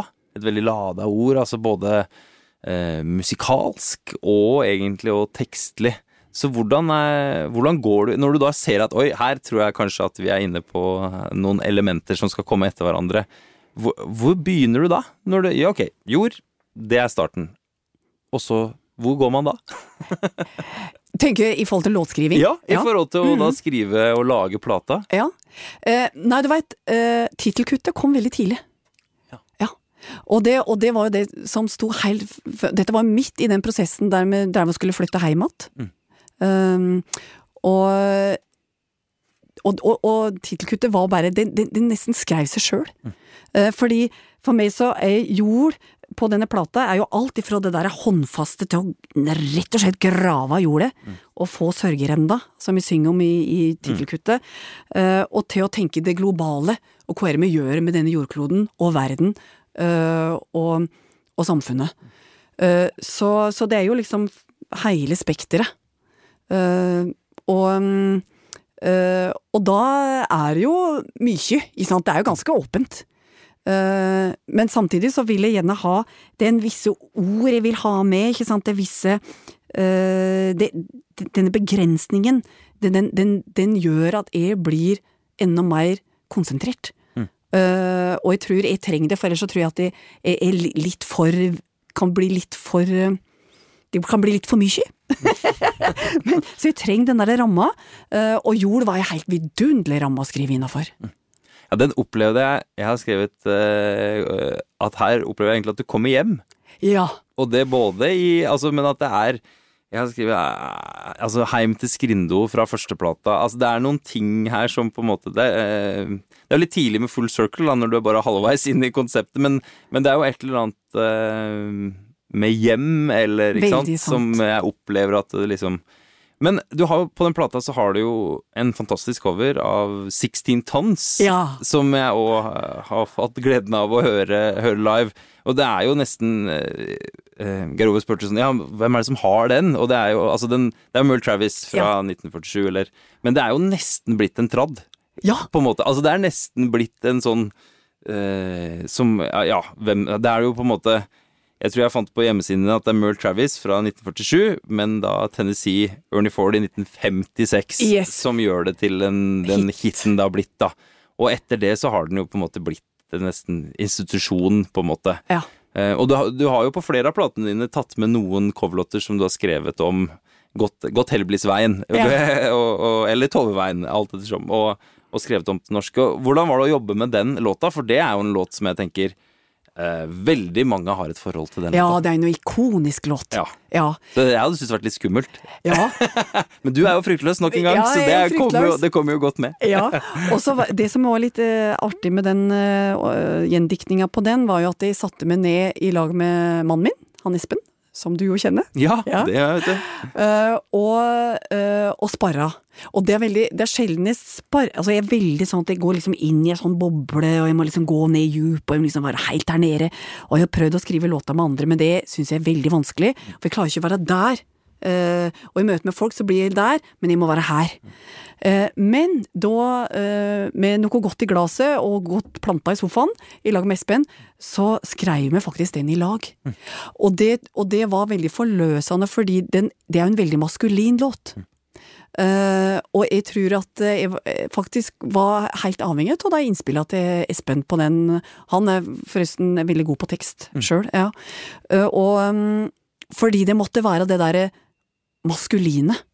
En grov låt, på en måte. Ja, ja, en veldig grov låt. Ja.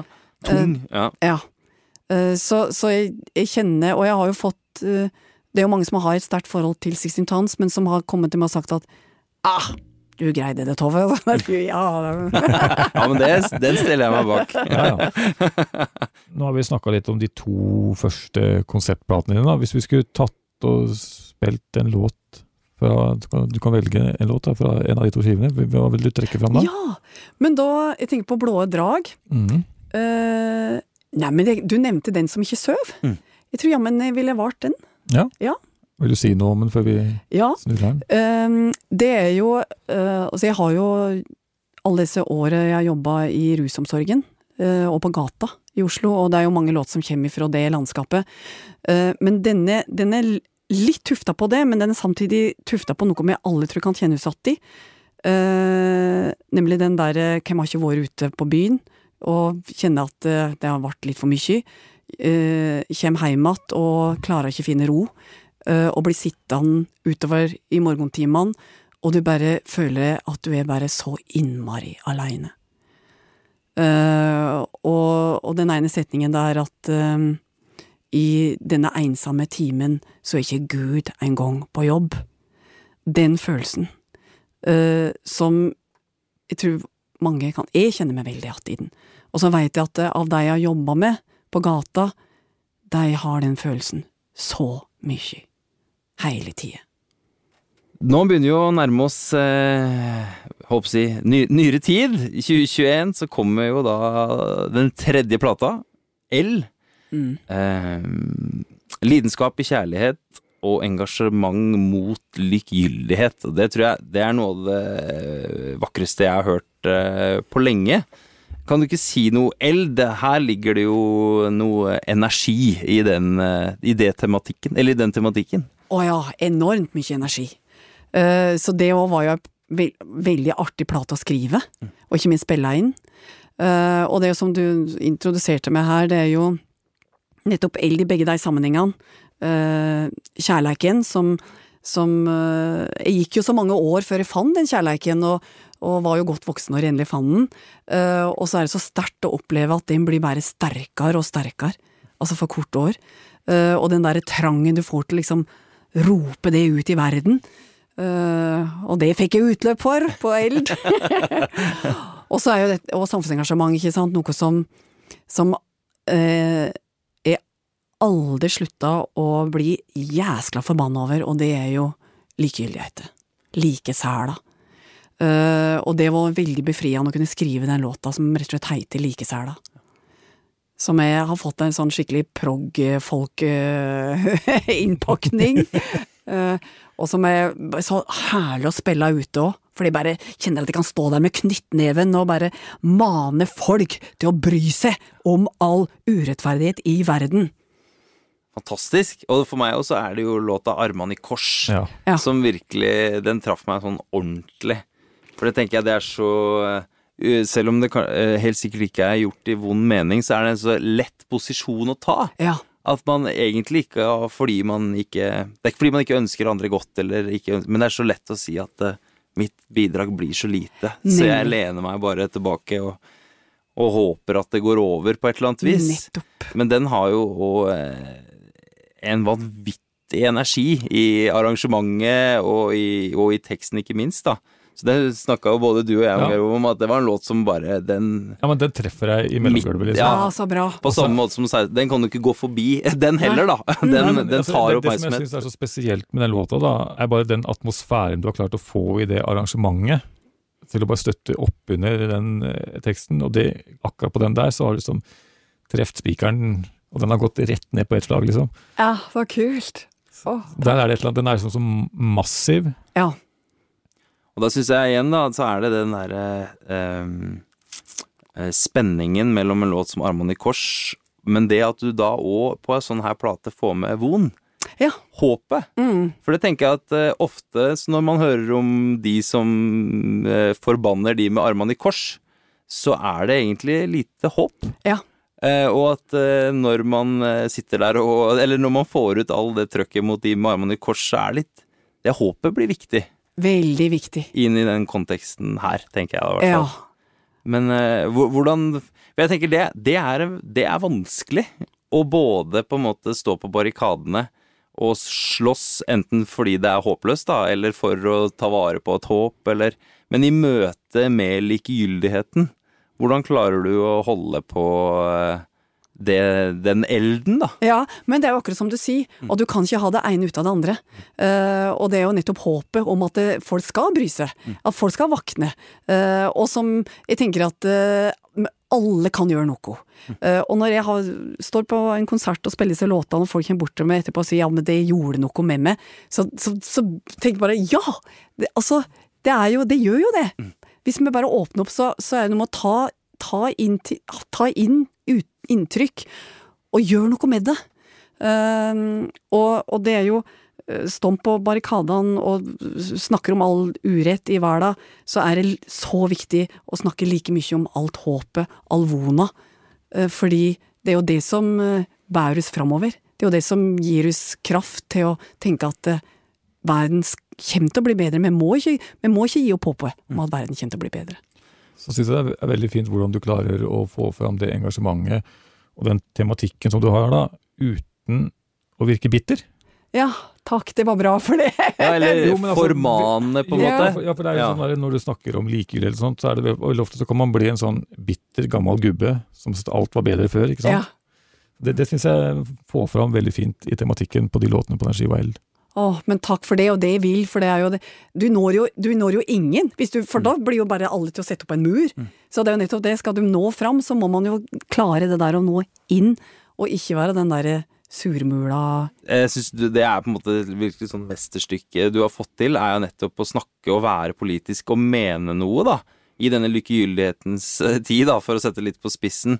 Uten å bli bebreidende eller forma... Altså, du er jo tydelig på at folk må våkne opp, samtidig som altså, det, Og det, jeg skjønner ikke helt hvordan du greier det, på en måte. For ofte så opplever jeg at jeg blir i møte med sånn tematikk i musikk, så blir jeg ofte litt sånn åh, dette ble litt kleint, eller dette ble litt svett, eller ja da, nok en sånn Tematikken blir liksom borte i i kanskje floskler eller Ja. på et eller annet vis. Men jeg tror for det er et eller annet med at det oppleves jo så uh, veldig lite lykkelig fra din side, og at den, det at det er på norsk, tror jeg kanskje for min del da, i hvert fall gjorde at det, at det virkelig liksom gikk inn, i jo ikke bare noe man liksom sånn Ja da, det er flott at du er engasjert, men, men jeg tenker at når du klarer å, å få andre til å bli engasjerte også, og ikke miste håpet, eller ikke bli bare sånn eh, At de syns det blir støy og slitsomt, og at de ikke orker å ta, det innover seg, da har man jo virkelig klart stor balansekunst, tenker jeg da, på den plata her. tusen takk for det. Å, takk, det var fine ord. Fordi det er jo det man alltid er redd for. Mm. At man skal skyve folk ifra istedenfor å invitere inn. Så jeg tenker jo veldig mye på at det vil jo bare invitere inn, invitere inn. Og det, det har du jo virkelig fått til, da. Um, men jeg sitter jo an med en opplevelse eh, egentlig gjennom Ja, egentlig fra du var åtte år, da, men at du har jo vært egentlig veldig opptatt av at det skal være ekte. Ikke sant? At det skal være øh, øh, deg, eller det du vil at det skal være. Og så blir jo det ofte satt som en slags sånn motsats til det vi i liksom musikerland kaller liksom flinkiskultur, da. Helt tilbake fra at du skulle begynne å lære noter, ikke sant, eller møte med Nashville, eller eh, Og så er jo kanskje utfordringen at de som vil holde det veldig ekte, av og til hadde kunne trengt et par akkorder fra disse flinkisene. Og så kunne disse flinkisene av og til trengt litt eh, hjerte eller perspektiv. Men hvordan forholder du deg til den, den skvisen? For den opplever jeg ofte at man, eh, enten man vil eller ei som artist, så blir man på en måte satt en av to steder i den. Ja. Og så blir man på en måte da tatt til inntekt for den sida. Enten så er man da ekte, eller så er man eh, flinkis på en eller annen måte. Eh, og mange har jo snakka fint om hvor bra det er det å være flinkis også, på en måte, men um, der blir det veldig ofte liksom trukket opp ei linje på et eller annet vis.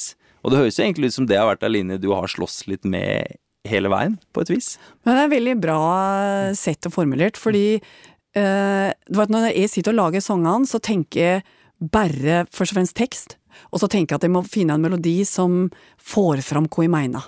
Og da tenker jeg aldri sånn der Brukte jeg de tre grepa der sist? Og ja, det er mulig jeg gjorde det, men, men det funker jo bra nå, nei.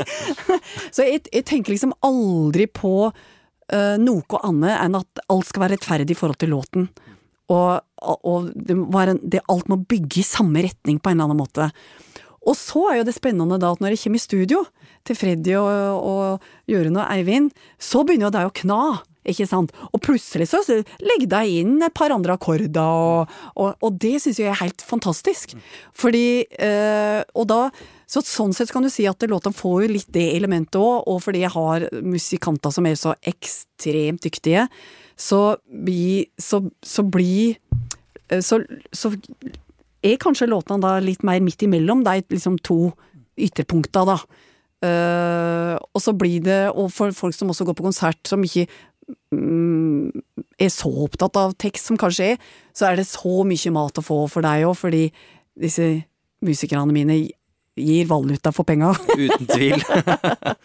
Men da er det jo, for det igjen er jo litt sånn eh, Det å samtidig på en måte være veldig tydelig på hvor du vil at låta skal gå, samtidig som det høres ut som du gir stor kunstnerisk frihet til de Altså det er ikke tilfeldig hvilke mennesker du har invitert inn til å få fargelegge med sin palett, på en måte, da.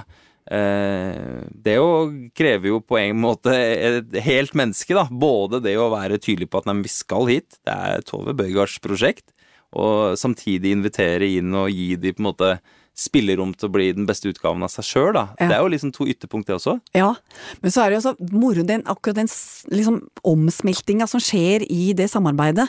eh, det er jo noe av det mest artige å oppleve. Eh, så jeg, jeg gleder meg som en liten unge til disse sessionene når vi går i studio, og jeg kommer med låten helt sånn enkel, og så begynner de å med sine innspill, ikke sant, og, og kanskje vi kan gå litt sånn og litt sånn, og, og, og rytmen kan dra den litt der, og, og så er jeg jo totalt eh, åpen, og så av og til setter ned foten sin. nei, det blir feil. Eh, men som regel så kjenner de min smak så godt, og de veit hva jeg vil så godt, at det, det bare går veldig smooth. Nå er det tre konserter som har kommet, og man merker på det musikalske uttrykket og engasjementet ditt, så er det jo veldig kompromissløst. Altså Nå har vi brukt ganske mye tid og dykka ned i Tove Bøygard og hennes katalog, og så bare slo det meg hvorfor er ikke Tove Bøygard mer allemannseie? Jeg tenker på det som, Den musikken hun fortjener jo det rommet der, så det der folkekjære eh, eh, rommet. Men tror du det kan ha noe med at den kompromissløsheten din som gjør at alle syns det er like spiselig? Eller hva er liksom dine tanker rundt det? Jeg, jeg har jo lurt mye på det sjøl. Ja. Men eh, nei, jeg har, jo, jeg har jo noen followers som er veldig dedikerte. Eh, men det er klart, det der fra det og til å nå eh, vidt ut, det er jo vanskelig for alle. Ikke sant? Jeg tenker jo at det er få som får det til, rett og slett. Og, og så tror du er, er jo avhengig av eh, å ha media med det. Mm. Det, er jo, det er jo først når man Altså Tidligere så var det sånn, da var det på NRK, så var det liksom gjort. Mens nå er det jo mye mer fragmentert, ikke sant. Det er mange plasser du må være for å komme ut der, og, og, mm, og det er For deg som ikke er, er jo ikke en kommersiell artist, så for alle du som ikke er kommersielle, så er det liksom Du må bare bygge stein for stein hele tida. Uh, og om, eh, om det ville vært annerledes om ikke hadde vært så politisk Jeg tror kanskje ikke det, jeg tenker eh, Men Hadde det da vært Tove Bøygard? Nei, det hadde jo ikke det! Nei, nei. ikke. Men, men altså, akkurat det du sier nå tror jeg er veldig viktig for unge å høre. Du kan bygge stein på stein og snurre på P1 og P3. Eh, Så det tror jeg er veldig viktig å høre at du sier, for det er altså, akkurat det den podkasten handler om. da, Å ha den gnisten gjennom. Liksom det, du trenger ikke å være på Billboard topp 20. Liksom. Nei, og hva det vil si å leve av musikk, det tror jeg er veldig Det tror jeg egentlig veldig få som ikke gjør det sjøl, egentlig vet hva er, og hva det innebærer. Og at det fins veldig mange måter å leve av å drive med musikk. Ja. Ikke sant? Og du har jo en stor følgerskare, og du har jo en enorm katalog, og du har til og med sikkert flere følgerskarer fra ulike band, altså fra ulike konstellasjoner som har liksom ulike deler av deg, da, som de på en måte har, har fulgt. Som ikke bare er Tove Gebøygard solo, sant? men det, det er mange andre følgerskarer også, da, som du på en måte har i ryggen. Men, men det er jo tenker, det, det er jo et eller annet med sånn som eh, på hjemmesidene dine, så har du jo da lagt ut eh, tekstene dine. Ja. Og det gjør jo mange. Men så har jo du egne da bakteppe. Ja. Filer hvor man kan gå inn og lese om hver enkelt låt. Eh, med sånne små mastergradsavhandlinger til hver enkelt. eh, og det er klart at det er jo eh, For å være sånn djevelens advokat, da, så er det jo er det kanskje mye forlangt da, av en lytter å skulle gå inn Det er i hvert fall veldig langt unna sånn vi er vant til å lytte på musikk. Ja, veldig. Hvor det er liksom Ok, du får opp eh, teksten når du hører på Spotify, så du kan synge med. Det er liksom én ting. Men her krever musikken din krever jo at du hører etter. Den krever at det ikke bare er likegyldig. Alle disse tinga, ikke sant? Ehm, og, og det, det, det Altså, spørsmålet er jo egentlig da er, er, liksom, er lytterne gode nok til dette? Er, ikke sant? For hadde det vært eh, 50 år tilbake, kanskje, da, så hadde man sittet her med vinylplata, og så hadde du kanskje lurt inn i et lite, et lite hefte med bakteppe. Og så hadde man sittet og hørt på den plata, så hadde man lest det bakteppet. Nemlig. Ikke sant? Ja. Og så hadde man hatt det fysisk, og man hadde, ikke sant? Man hadde hatt et forhold til på en måte det albumet som står alene på en helt annen måte, er min teori da, på et eller annet vis.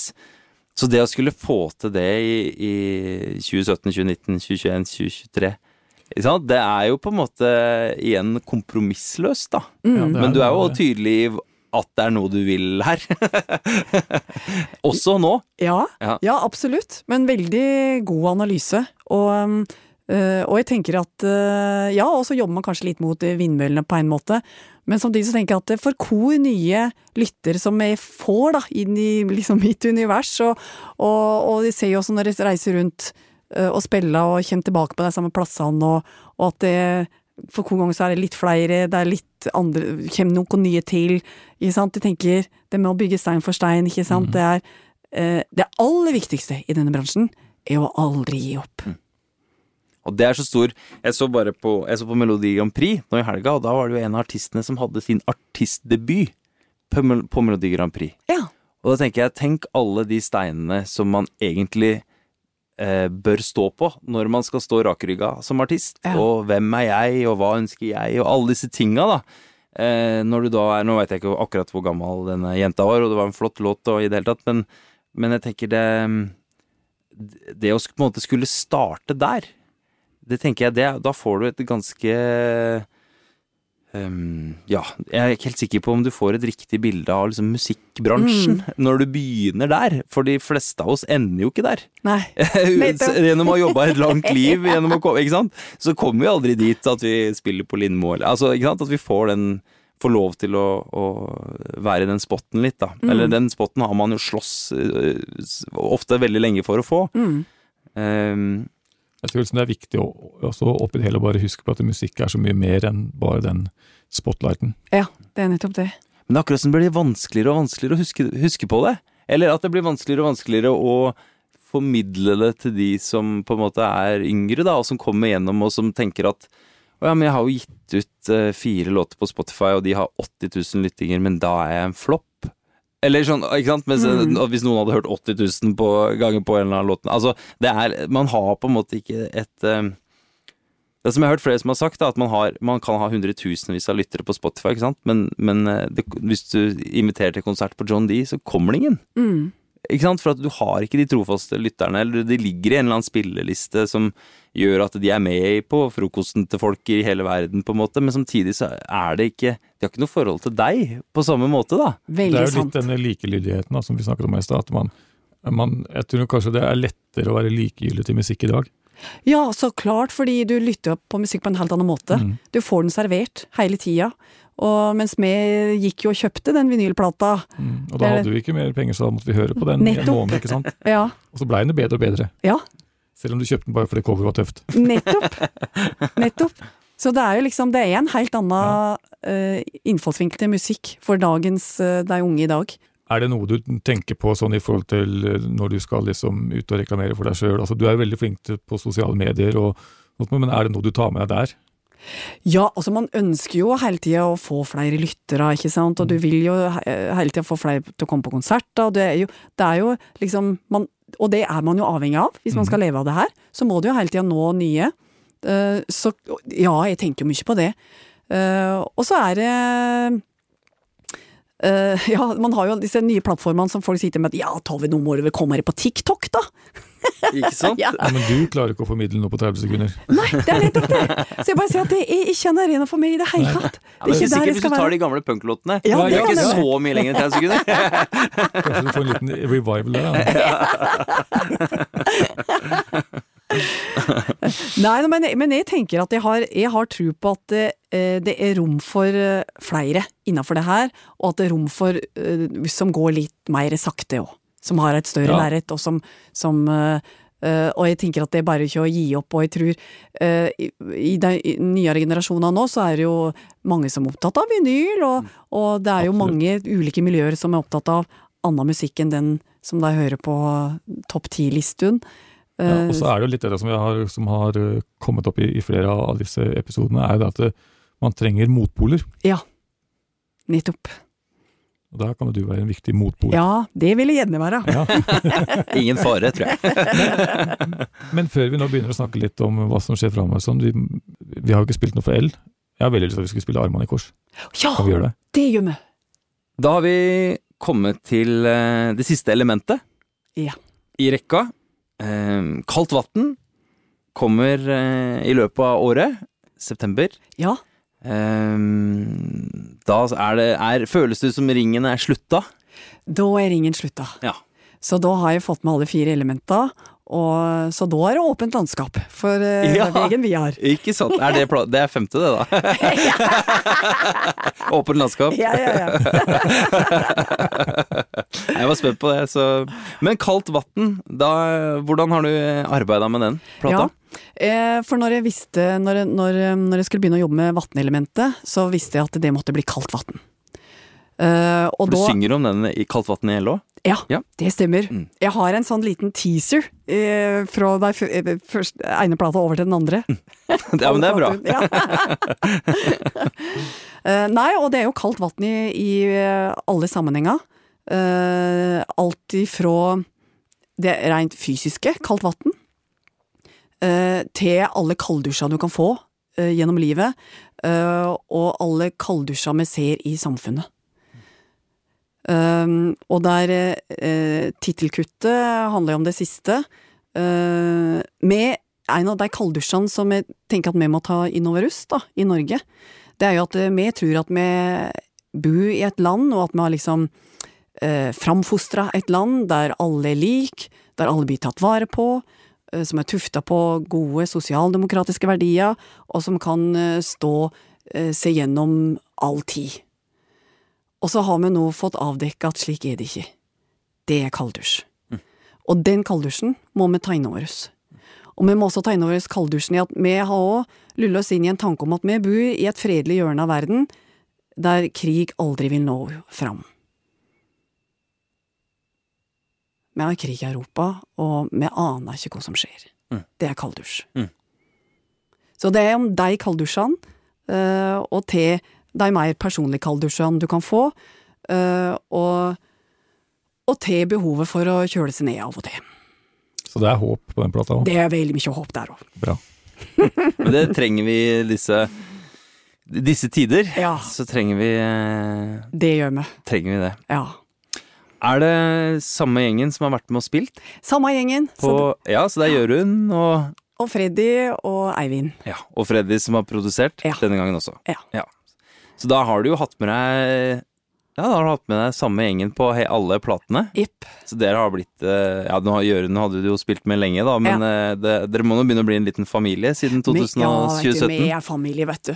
Så, og vi gleder oss jo veldig til Selve releasen er jo 15. september. Så da fleska vi til med konsert på Ål kulturhus. Ja, På fantastisk. sjølveste dagen. Oi, oi, Oi. oi. Ja, ja, ja. Så da må de være der. Ja, men det er helt klart. Ja. Og denne gangen så er det jo ei plate med bare mine egne låter, bortsett fra en eh, tekst som jeg har fått ifra en eh, kollega. En tekstforfatterkollega som, eh, som kom med låten Summaregden. Og som er denne Fullt av håpet-sangen. Eh, som bare Jeg sa bare, når jeg så den teksten, at den, er, den må være med på denne plata. Fantastisk. Ja. Ja, gleder vi oss til. Vi trenger, ja, vi trenger alle Hvordan var det å sette eh, melodi og musikk til en tekst? Det som var så rart, var at når jeg så den teksten, så bare sånn, jeg måtte bare ta opp gitaren med en gang.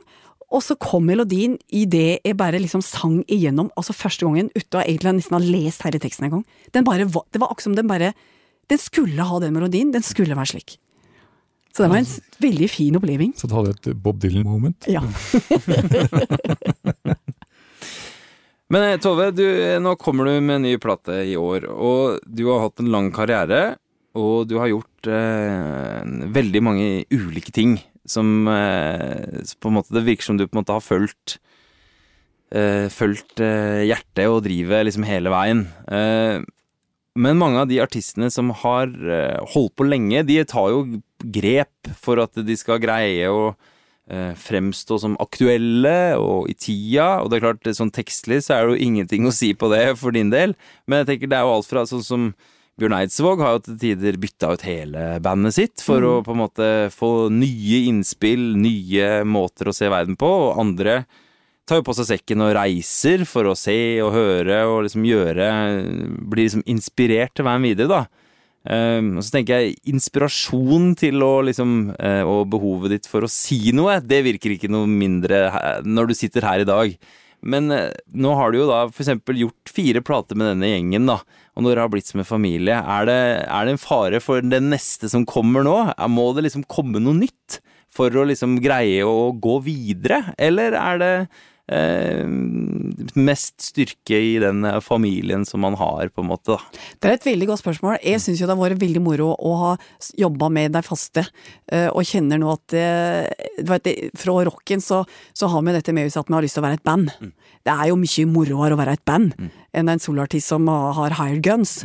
Eh, Så, så jeg kjenner veldig på den der band, at vi har en bandfølelse, og det har gutta nå. De, de har den bandfølelsen, den har jo den har de fått. som de kom jo som hardgun i utgangspunktet, og så er vi nå liksom en sånn samla gjeng som er Tove Bøygard-band. Uh, og det uh, Så jeg tenker at jeg har ikke lyst til å gi slipp på det. Uh, men på den annen side så er det jo et åpent landskap nå, eh, og nå er jo på en måte har gjort elementa ferdig, øh, og, og, og man skulle tenke å fått inn en, en annen produsent eller sånn, det er jo sånne ting man kan tenke på.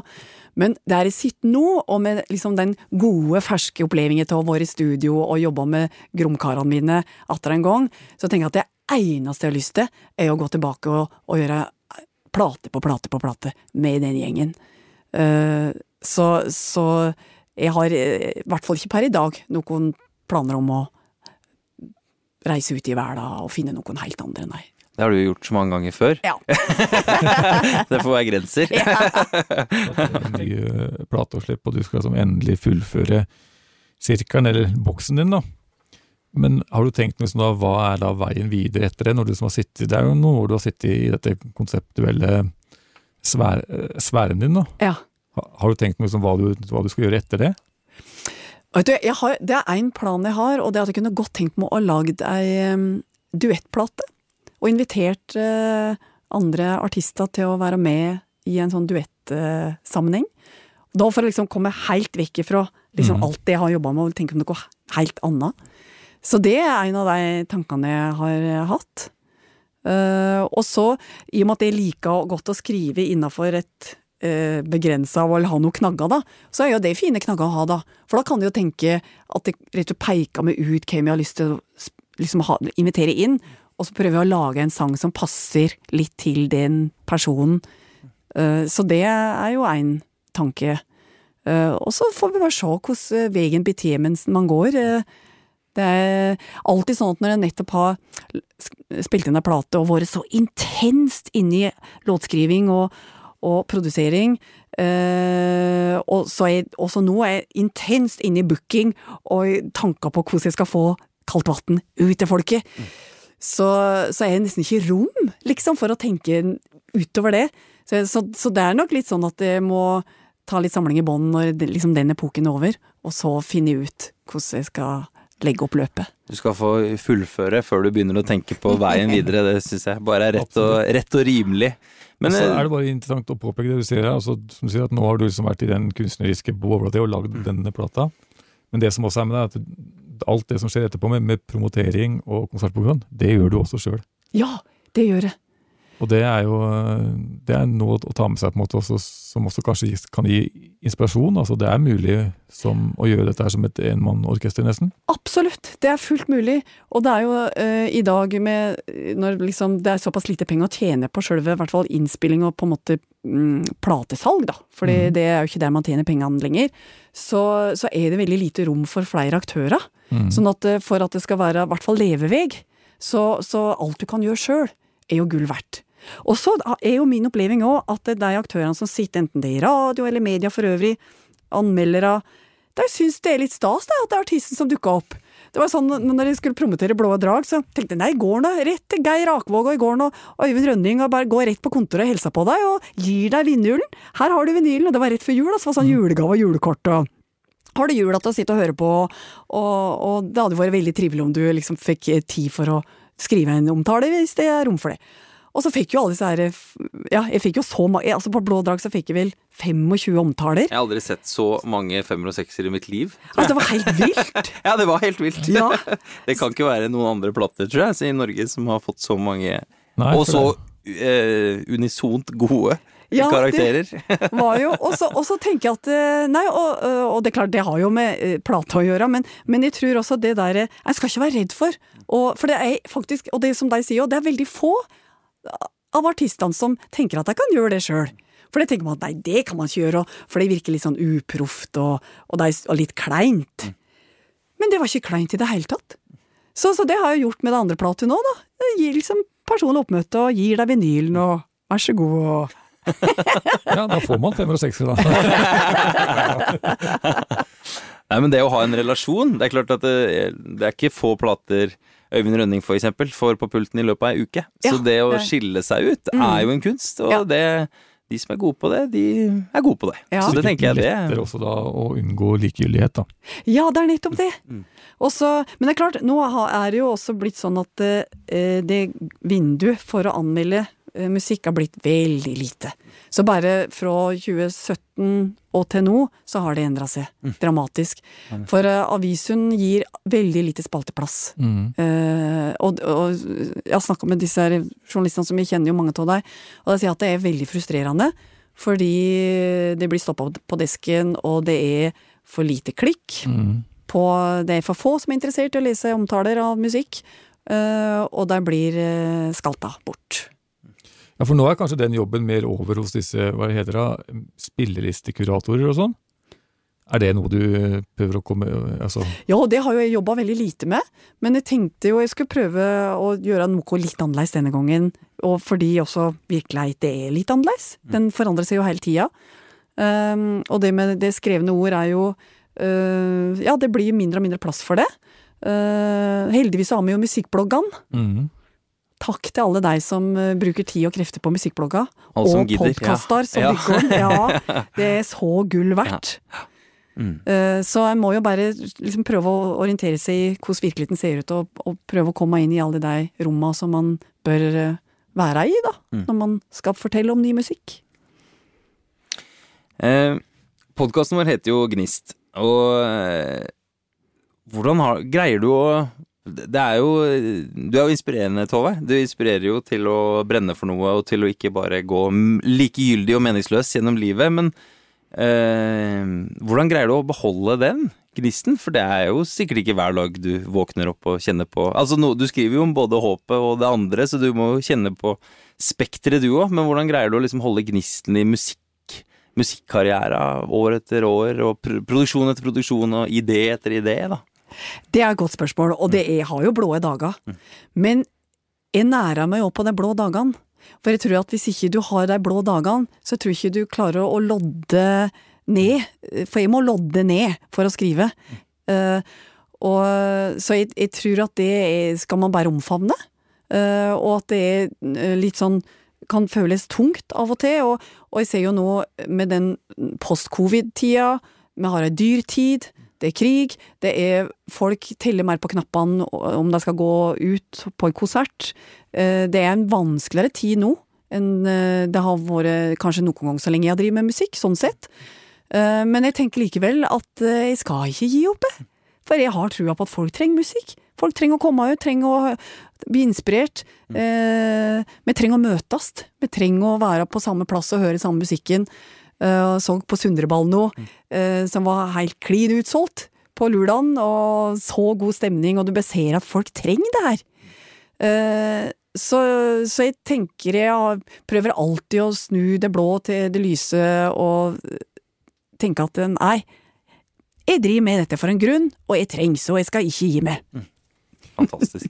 Nei, blå kan jo fort bli lyseblått med litt vann. Vann. Eh, helt til slutt her så har vi eh, gjort noe som er litt slemt, som vi har gjort med alle. Ja, Og det er eh, fem kjappe hvor du er nødt til å velge. Og så Oi. har vi jo prøvd å gjøre det litt vanskelig. ok. Eh, så spørsmålet er jo om du tar Tar du utfordringa? Ja, ja. Nei, det må jeg jo gjøre. Det er ingen vits å slutte nå, holdt på å si. Nei, ok, nei, for da får vi se her, da. Men da første er slett punk eller viser. Punk. Åh, ikke sant, Kom rett med en gang her. Elgitar eller akustisk gitar? Denne er som Ja. Nei, jeg må vel si akk, fordi det er, det er liksom følgesvennen min. Ja. Ja. Uh, Dolly Parton eller Tåstrøm? Tåstrøm. Bygd eller by? Åh Å, jeg må svare fort! Det var vanskelig. Jeg, jeg må nok si bygd. Men også sier jeg by og land han igjen. Ja, det var det. og det siste er skrive låter eller spille konsert. Spille konsert. Spille konsert. Ja, akkurat er jeg i hvert fall der. Jeg syns du var kjempegod. eh, helt til slutt så eh, er jo så heldig at eh, det kommer jo da denne nye plata Kaldt vann, og vi skulle få lov til å få høre en låt derfra. Ja. Og hva er det du har tatt med som er rykende ferskt fra vinylpressa? ja, vet du, da tenker jeg at jeg rett og slett har lyst til at jeg skal få spille uh, tittelkuttet.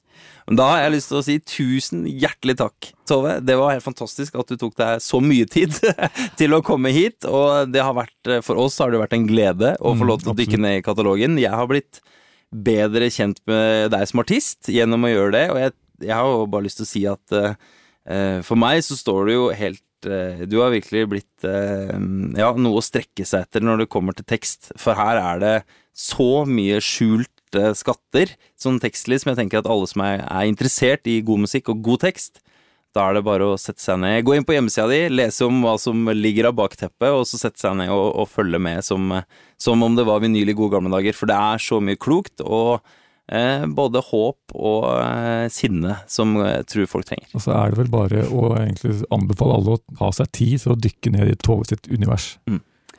Og tusen takk. Og jeg må få si tusen takk for at jeg fikk komme, og for den fantastiske djupdukket som det har gjort i musikken min. Altså, det er ingenting som gjør meg så glad som å få lov til å komme her og høre at Ikon virkelig har gått inn i materien. Å, tusen takk for den jobben det gjør for musikklivet her i dalen.